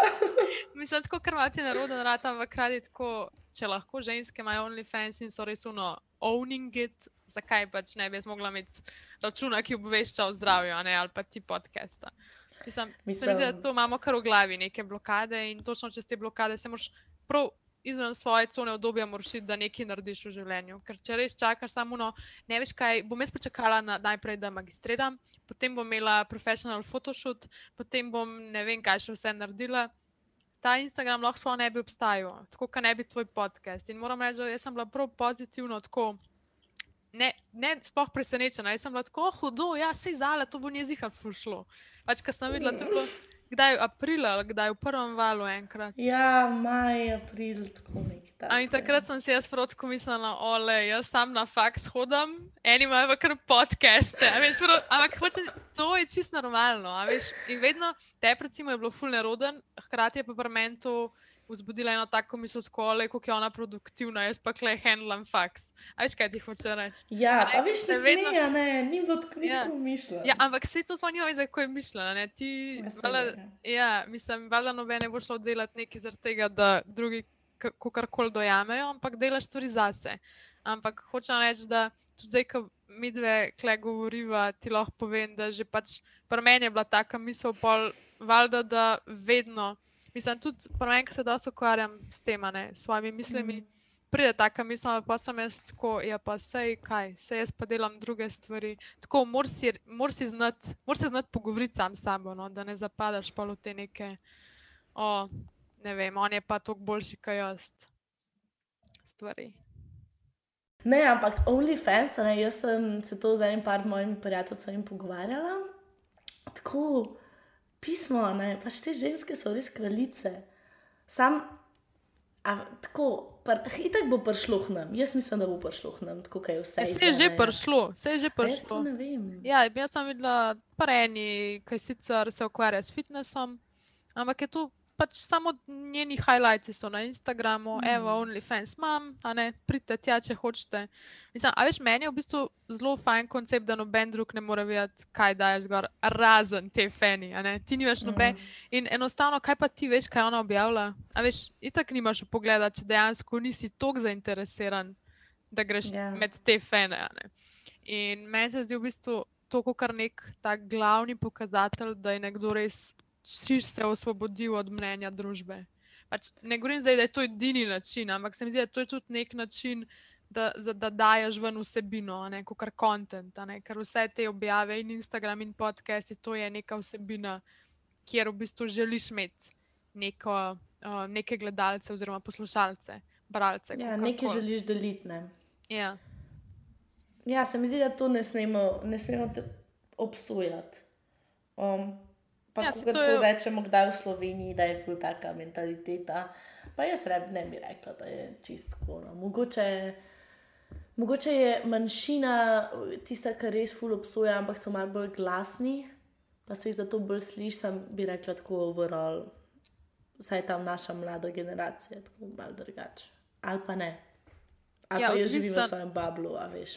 Veš, fora je tudi, da odvisno je v kakšnih družinah si vzgojena. Ne? Če si ti bolj tradicionalen, ti bo to tako. Boš imel tak posmehljiv odnos do tega, tako le drugega ne more delati, pa to dela. Ampak zelo znani sem povedala, da je en, kot investitor, odprl OnlyFans in tam enostavno šera, kot najboljše te uh, možnosti za investiranje in je uporabil na čist drug način to platformo. Ker itak na začetku je bila mišljena za vse živo, ni bila mišljena samo za take Ja, mhm. fotke. In pol se je pol je šla v to smer, ampak hkrati pa recimo Ne vem, vse obstaja tudi ta Patreon, mislim, da je nekaj. Imaš krava, astro povezano. Andrej Škraba. A ja, on je zelo spomniš iz Ljubljana. Ja, valjda, sej on je pa, na, kako bi šlo rekel, najboljši učitelj matematike. Ja. Za vse ja. gimnazice v Sloveniji. Otrok, da je šlo v ne večere. Ja, no, tako, o, zdaj mi bo pa Andrej povedal. ja. tako, zdaj pa če jaz to, zdaj grem pa do Andreja, zdaj bo pa on vedno. Ja. A imaš željo, tako, a si, a imaš tako tak planček, ker si tako, zdaj bom jaz buildala audience na Instagramu in pa bom, in pa bom začela ponujati en servis in bom imela že ljudi, ki me bodo poslušali. Ali si to tako začela? Kaj bi sploh, kaj te je pripušnilo do to, da si hočeš, da hočeš nekaj drugačno narediti? Ker lahko bi se vrnila pa v neko raziskovalno delo pa. Ja, jaz v bistvu zelo, zelo rada podajam na svete. Tako, če si v, moji, v mojem krogu ljudi, veš, da karkoli je na robe, pa ne govorim zdaj, zlomu si nogo, prideš meni vprašati. Ne, tako, take stvari, ki jih dejansko lahko ti pomagaš s prehrano. Zakaj sem to začela? Um, v bistvu je že kar nekaj let, tako, kaj bi rekla, štiri leta, recimo konstantno um, pridem v stik z nekimi novimi profili na Instagramu in to so razni zdravniki uh, te funkcionalne medicine, ki je v bistvu. To je predvsem v Ameriki razširjeno, ker imajo to plačljiv, plačljiv sistem tudi zdravljenja in tako. In se ljudje doskrat odločijo, da grejo funkcionalnemu zdravniku, ker funkcionalni zdravniki so bolj zarazne, tako da poiščejo razlog za neke težave. Ne samo A da. To je kot osteopat. Ne, to funkcionalna medicina je v bistvu, če primerjaš um, to našo zahodno, normalno medicino, konvencionalno, če zdaj prevedemo, ne vem, kako bi to rekel, konvencionalno medicino ali pa to funkcionalno. In zdaj, če grem kar na, imaš ti neki spuščaj na obrazu.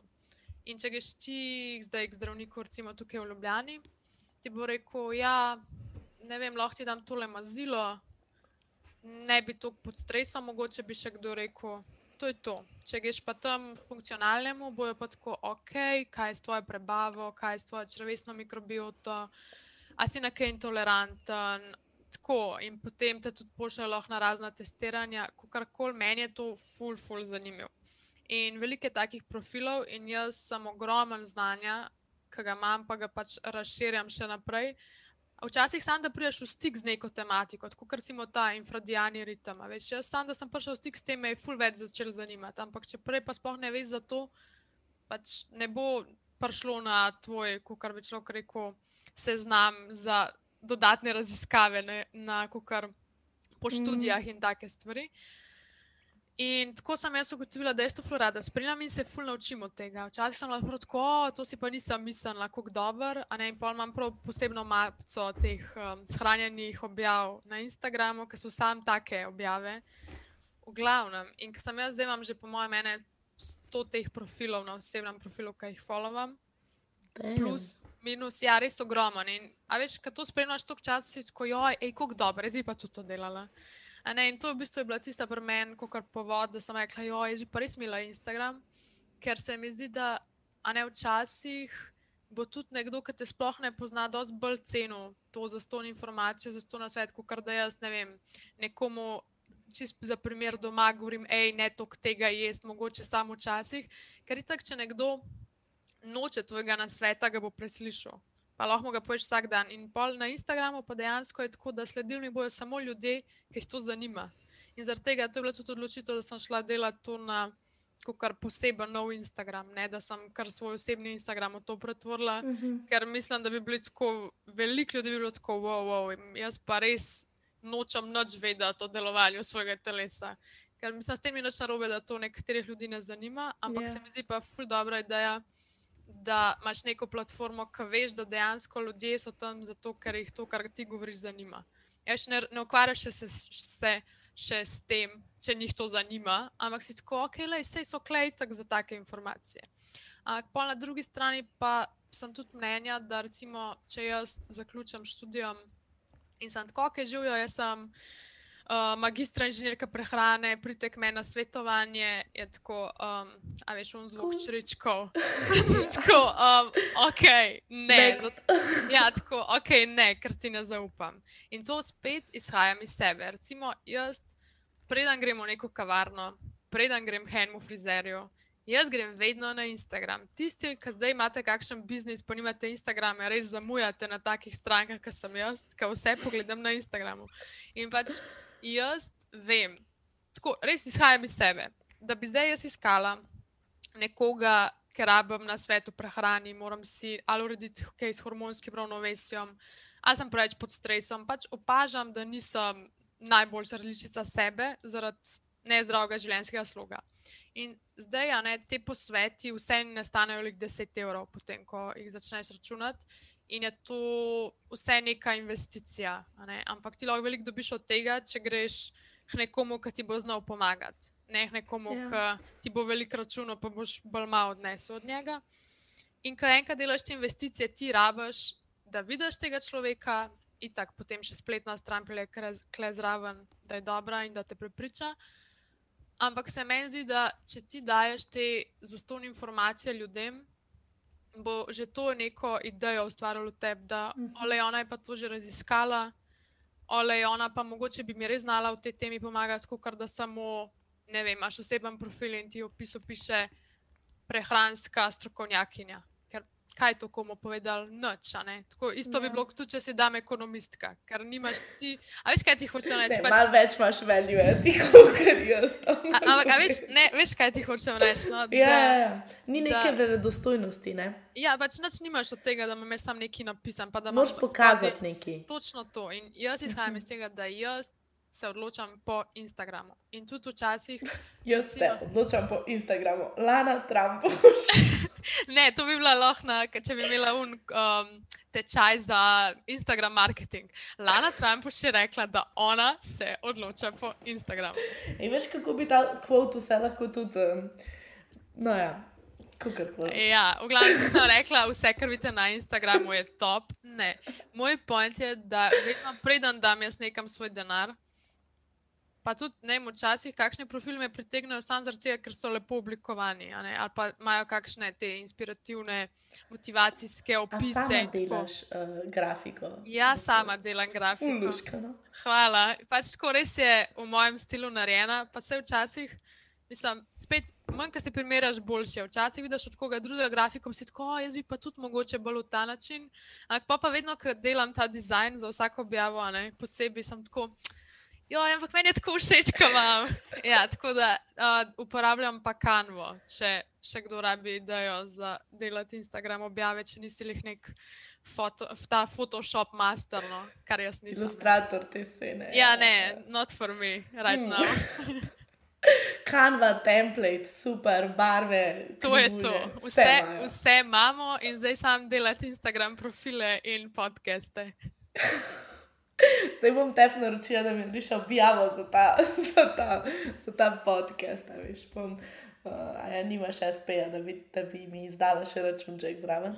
Oh, žal ne še.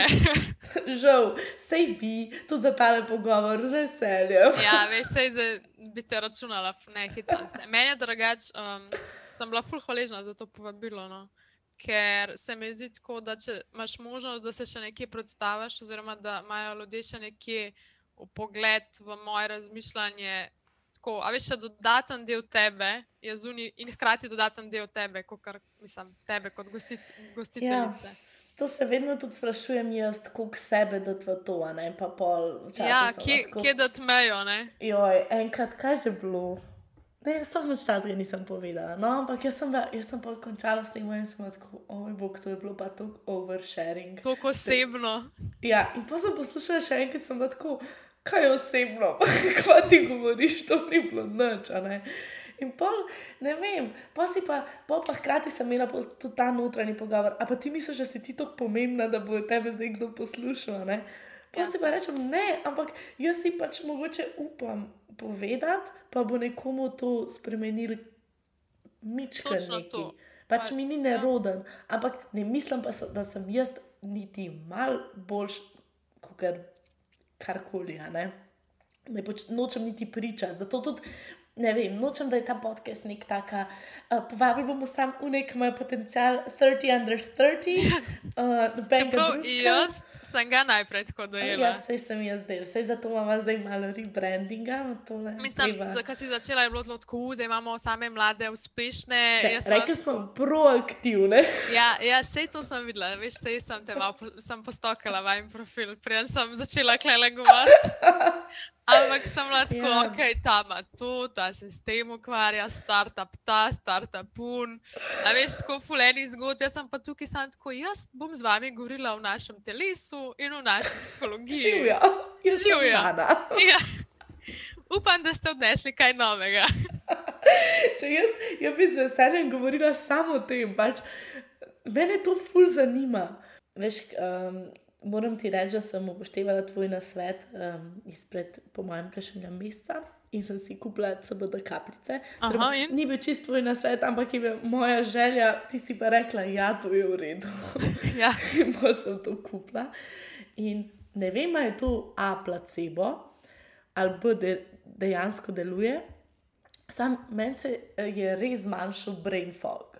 Mm -hmm.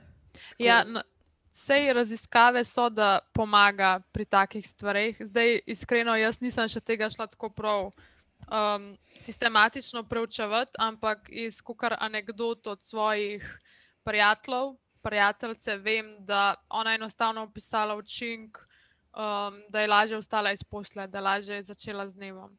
Tako da jaz v bistvu se tudi probam če dam nekomu na svet, povem, da jaz tega še nisem ne, raziskala sama osebno, lahko ti pa povem to, kar vem.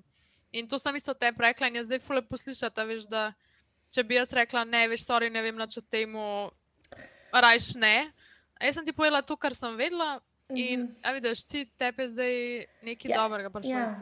Jaz sem vedela tako najprej, pač uh, nisem zihara, ne, tako ne vem, zakaj sem sploh. Ne vem, a veš, tako pač ne moreš kar skočiti na prvi vlak. Um, vedno ja, tak, ne, vedno je treba preveriti, ker recimo ta trg s prehranskimi dopolnili je zelo, zelo slabo reguliran. V bistvu praktično lahko jaz samo prijavim na ministrstvo, da je zom dala tole ven, potem v bistvu moraš zagotoviti to, da je to živilo varno, oziroma prehransko dopolnilo varno, da ne bi se kdo jih zastropil, ampak ni nujno pa da testa, kaj je not česa je not. Sprašuješ lahko tudi karkoli. Načeloma, ne, zdaj že kar nekaj časa je nova zakonodaja, ki je omejila v bistvu te prehranske in zdravstvene tradicije. Včasih je lahko za vse pisal karkoli. Ne vem, si kupil sebo, da mhm. kapelce in je pisal zdravi raka, odpravlja revmo, veš vse živo. Zdaj to ne sme, lahko mhm. samo napiše, koliko je noter in da ima določene pozitivne učinke, recimo na živčni sistem. Kaj ta zga lahko, kaj kakšna večja namigovanja, bi bila pa že v bistvu um, ilegalna, no? ne bi bila več sploh. Lahko ti prepovejo položaj izdelek za nekaj časa, no, tako ga ne smeš prodajati. Lik za en, enkrat sem videla na enem Instagramu, ne bom zdaj omenjala firme, ampak prodajali so konoplji in čaj in so napisali vse živo, kako se naše telo decembra zakisa in kako se moramo razstropiti in take stvari in sem jim komentar lepo napisala, to ne drži.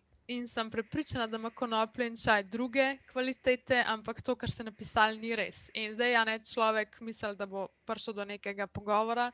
Vse, kar sem dosegla, je, da so zbrisali moj komentar in ta objava je ostala enaka, nič niso popravili. In tam piše enostavno, da ta konoplja in čaj ima vse žive, magične, magične, s tem rečem, ker če ni neki dokaz, ne moreš ti to trditi in prodajati na podlagi tega. Ja. To, tako, če kdorkoli želi prodajati prehranska dopolnila, samo kar pravi znanost in ta EFSA, ja. Evropska organizacija v bistvu za kontrolo nad hrano.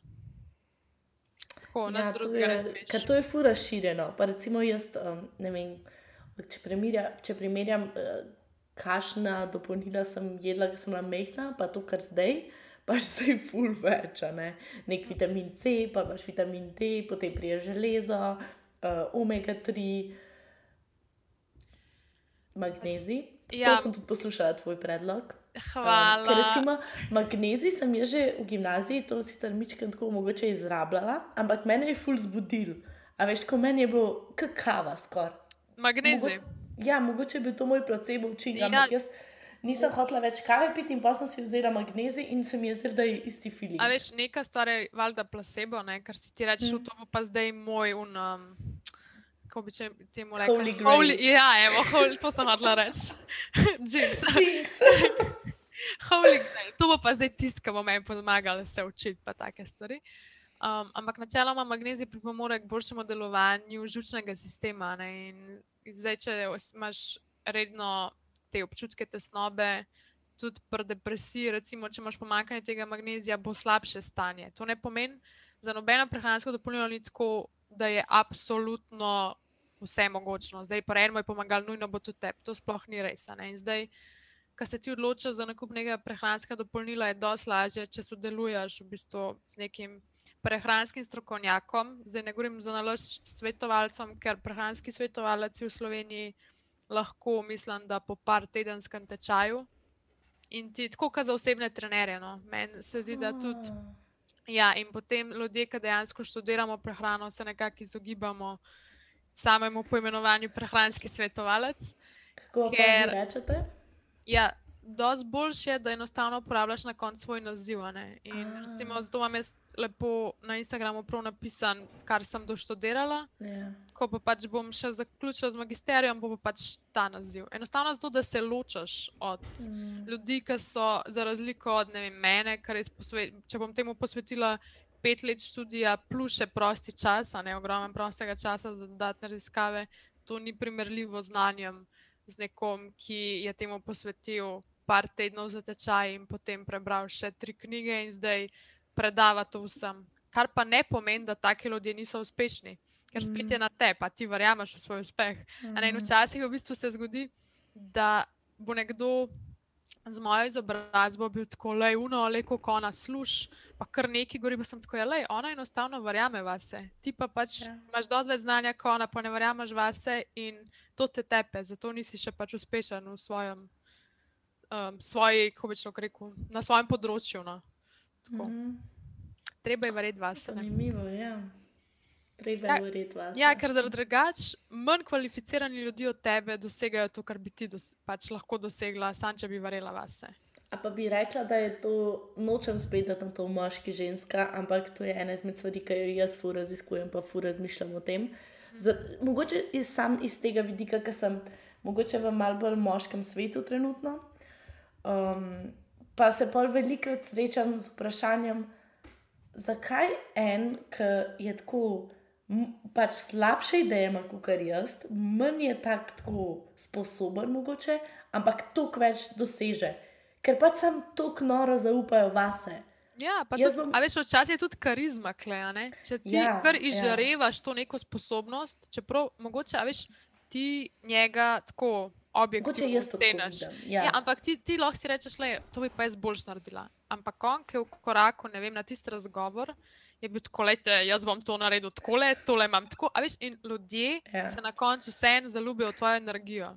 Če ti prideš na razgovor, pa si lahko najboljši, ampak če boš tam pač izžarevala nesigurnost, mm. -hmm. živčnost, težko bojo tebe zbrali, če bo prišel en, ki je najbolj možno prepričan v to, da lahko pozitivno pripomore k neki firmi. a Ne? Ali pa ti, ki si tako, jo, jaz nikar nisem dosti kvalificirana za sem, čeprav recimo si ful bolj kvalificirana kot polovica kandidatov. In spet pridemo Ja. ja. do misli, a ne, kaj si boš ti rekla. Ker to, kar si boš rekla, to se bo izražalo na ven in to bo na koncu izražalo tudi enostavno, kaj dosežeš v svojem življenju.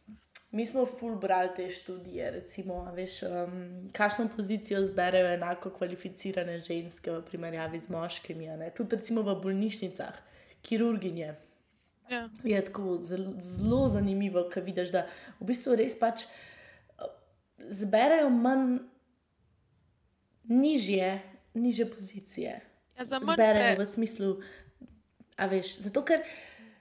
Mislim, sej, dejstvo je, da drugače razmišljamo, sem se mi zdi, da, pač, če, da moramo, to, moramo, moramo to zavestiti punce in prav tako pač pa fanti na drugi strani, um, da pač, kako smo si različni, ne, je mogoče res ta, ta začetna, ta mentaliteta je ful, ful, ful drugačna. Kaj jaz lahko prijem en dan, pa bom nekaj naredila ful slabo, pa bom tako, kar nekaj, kar nekaj, pa bom eno oči rekel, pa kaj je zala super, je, ne. Pač tako čisto no, preprosto. Ja, res, pač mislim, da zdaj ne vem, ne, a je to za vse ženske velja, ampak iz mojih izkušenj. Ja, iz mojih izkušenj se mi zdi, da ženske smo kar nekako preveč skromne včasih. Ja. Se mi zdi, da na vseh področjih, karkoli, mm -hmm. s čemer koli se ukvarjaš, pošti nekako, da bi se rajš podcenila, kot da bi se precenila. Tako rajš bom probala manj obljubiti, čeprav vem, da sem zmožna več, ampak za vsak slučaj, veš.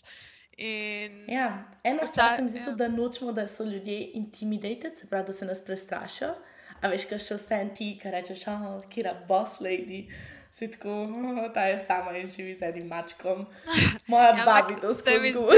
ja, ampak meni se zdi, da to se v zadnjih letih, pa se mi zdi mogoče lik zaradi tega, ker imamo toliko večji dostop do, oziroma v pogled v tuje življenje zaradi socialnih omrežij, predvsem Instagrama. Ampak hočem reči, da vedno več je žensk, ki imajo tudi normalno družinsko življenje in so uspešne v karieri. Včasih je bilo tako, ne moreš imeti vsega, lahko imaš samo neki, ali pa ne vem, lahko, če se boš odločila, boš mama, to kar, bo ful slabo za tvojo kariero.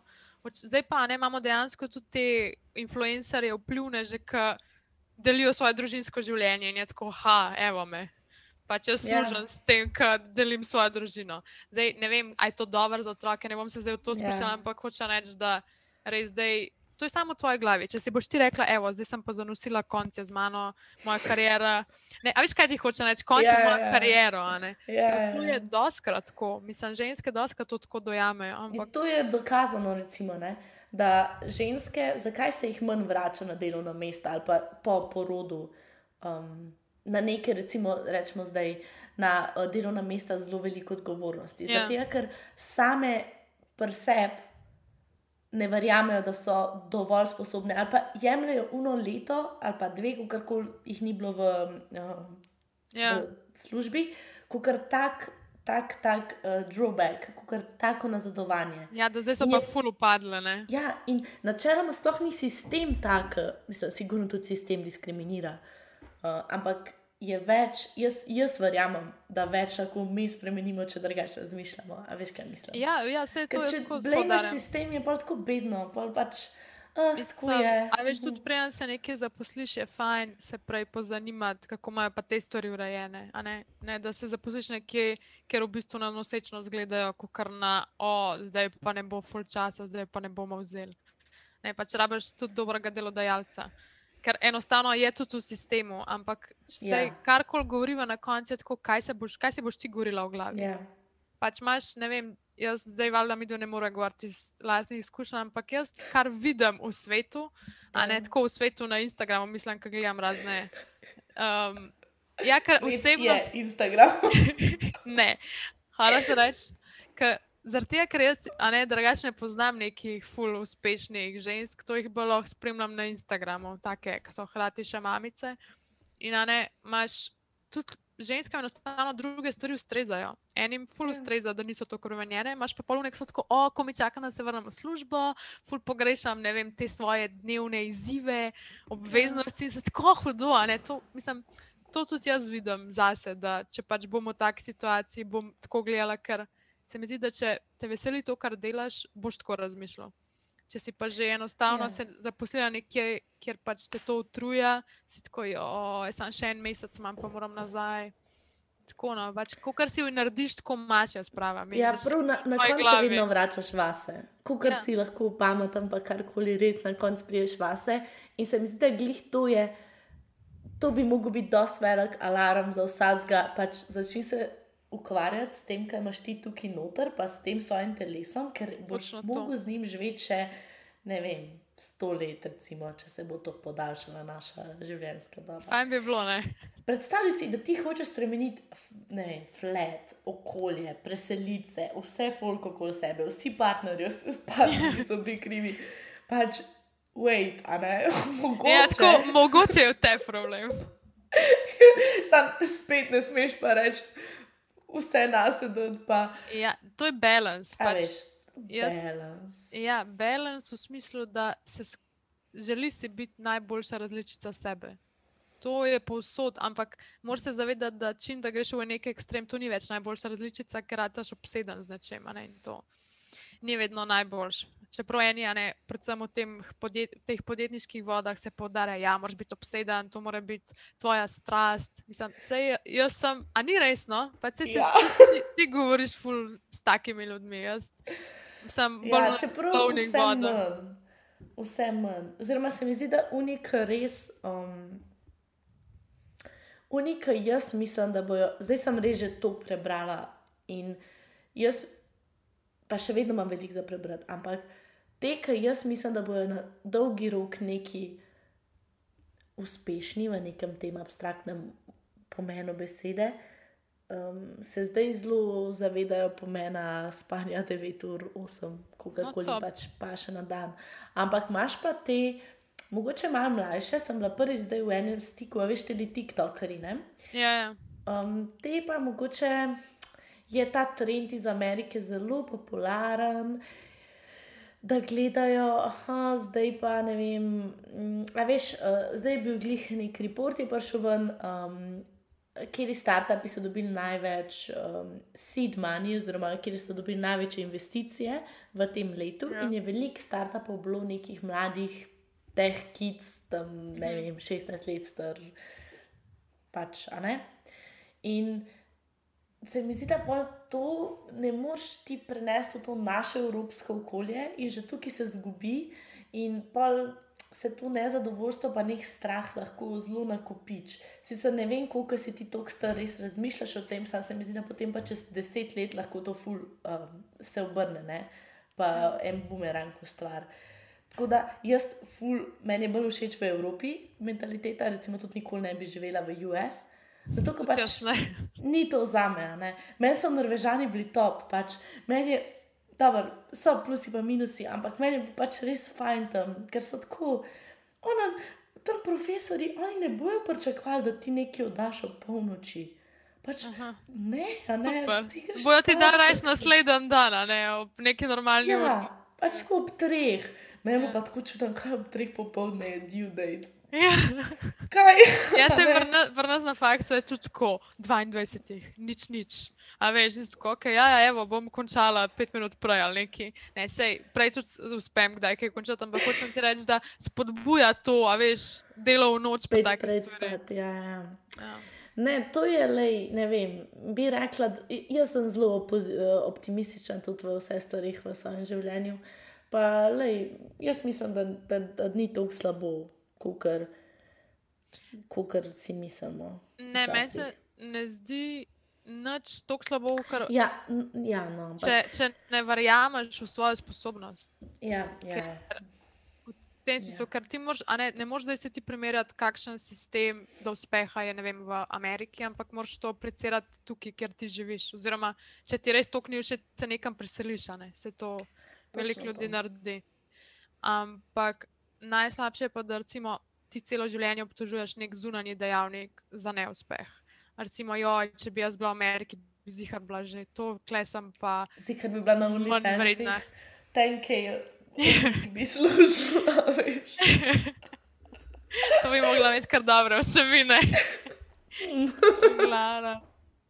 um, hvala sem reči, da pač v dejavni, oziroma v okolju, kjer si, v teh, um, v situaciji, kjer si moraš vedno največ potegniti iz nje. Mislim, to je najboljša, najlažja pot, da boš na koncu srečen, da boš uspešen, da boš imel dovolj denarja, da, mislim, da ne boš pod stresom zaradi pomankanja denarja. No. Se jaz ne govorim zdaj, ko gremo vsi voziti Ferrari, ampak.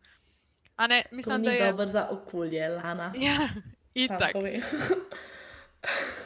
Lej, zdaj, če jaz delim še eno svojo izkušnjo, mene je čist ne bom govorila, a ne spet kdo, kar koli. Vprašala me je ena punca, ja, kaj pa vi študirate, ker nas je nekaj srečala kot ne, um, skupino študentov uh, živilstva in prehrane. Na biotehnički fakulteti, uh, glavnem, nas, mene vpraša, kaj študiram, povem, študiram ne, živilstvo in prehrano. In reče, joj, um, kaj bo šla pa naprej, a greš na magisterij, pa jaz tako, ja, bom šla prehrano.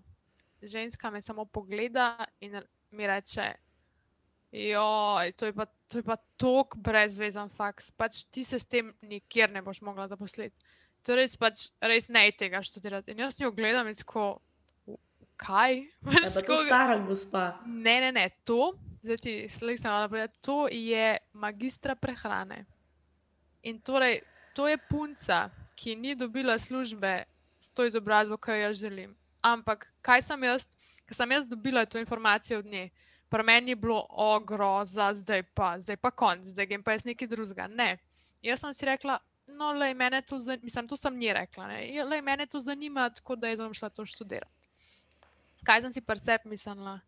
Lej, ne projicirati svoje, svojega pomankanja zaupanja vase in v svoje sposobnosti name. Ker če jaz vem, da mi lahko uspe, zakaj, zakaj bi mi ti govorila, da mi ne more? Zakaj bi mi ti rekla, da je to neuporabno? Mislim, vsaka smer študija, karkoli greš delati, lahko greš imeti svojo pekarno, ne rabiš za njo študija. Karkoli boš delal, če ti boš verjel vase, to je, bi jaz bi rekla, pol poti do tega, da ti uspe. Mm.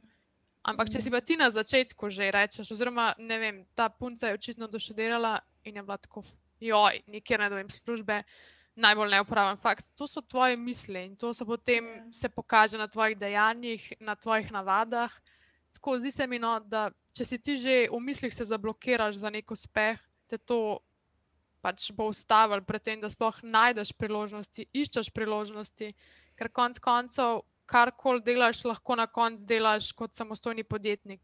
Ampak spet je na tebi, da se spomniš, kaj boš delal kot samostojni podjetnik. Ja, se mi zdi, da tukaj je ta punca, kot si rekla, pač to je projiciranje nekega nezadovoljstva in neke lastne. Um, ja, to, ampak to doska tudi starši delajo. Ne, veš, ja. Vse meni so, ljudem... so podobno na tir, ki sem jaz odločen za oba. Nekaj drugega. Tako joj, pa teh je toliko velika, veš pa kaj boš s to ekonomijo, kaj sploh vi delate. Še noben še vedno ne ve čisto, čem, kaj jaz delam. Ja, ja. Sam big mouth, so tako, da ti sam govoriš. Veš. Ampak, lej, ja, ki ti verjameš vase, si že full na redu. Pa je zdaj karkoli lahko to.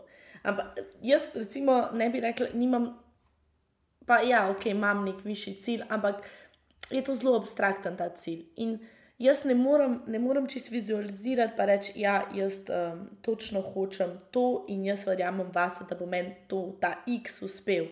Ampak jaz sem si zdaj to malo poenostavila in sem si sam rekla, da jaz vem, da karkoli se bom lotila, lotila, če bom to hotla, pač bo dober, bo ok.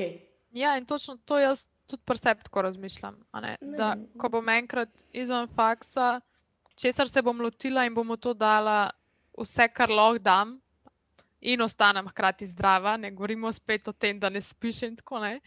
To je treba doskrat podariti, ker se mi zdi, da je polo ljudi tako uja, pa bo šla pa ja, na svet. Zdaj pa reče, da bo vse dala. Zdaj ja, pa reče, da bo vse dala. Ne, vedno delamo tako, da verjameš vas, ampak hkrati tudi skrbiš za zdravje svoje mentalitete in svojega telesa. Ja. V glavnem, ja, meni se zdi, da če se odločiš pa če vedno iščeš rešitve. Pa jaz ne pravim, da ti si se odločil, da ti bo uspelo in zdaj ti bo kar poslano z rožicami. Ne, mm. ampak ti prideš do neke težave, kjerkoli na poti do uspeha, če želiš uspeti, enostavno moraš imeti naravnano miselnost k iskanju rešitev. Nek pritoževanju, nek obsojanju, nek, recimo, veš kaj, to se mi je pa zgodilo zaradi tega, ker je un to naredil. Ne, pač sam si odgovoren v bistvu za svoj odziv na težave in tudi potem, kako jih greš popraviti. Vsakega gosta na koncu vprašava, kako si interpretira najno ime podcasta. Glass Balloons. To ti pa moram reči, da odkar sem prvič slišala za to ime, ga nisem razumela. Ampak zdaj, zdaj ko si me to vprašala, pa mogoče bom rabila 31 sekund, da se spomnim eno razlago. Torej. Ok, našla sem svojo abstraktno razlago. Veš, to je tako, da greš v galerijo, pa, pa si moraš spomniti, kaj ti neka slika pomeni. Ja. Glavno, Mersanski poklic je art dealer, tako da. A, o, kaj misliš? Povej, ajde. Um, a veš, recimo baloni, ne, ki grejo tako višave, če so oni na heli. Recimo, meni se zdi, ne, da te pogovori lahko v poslušalcu nekako spodbudijo rast. In pa recimo, da gledaš balons, zaradi tega, ker vsi lahko dostopajo do te rasti, a veš, ker se noter vidi.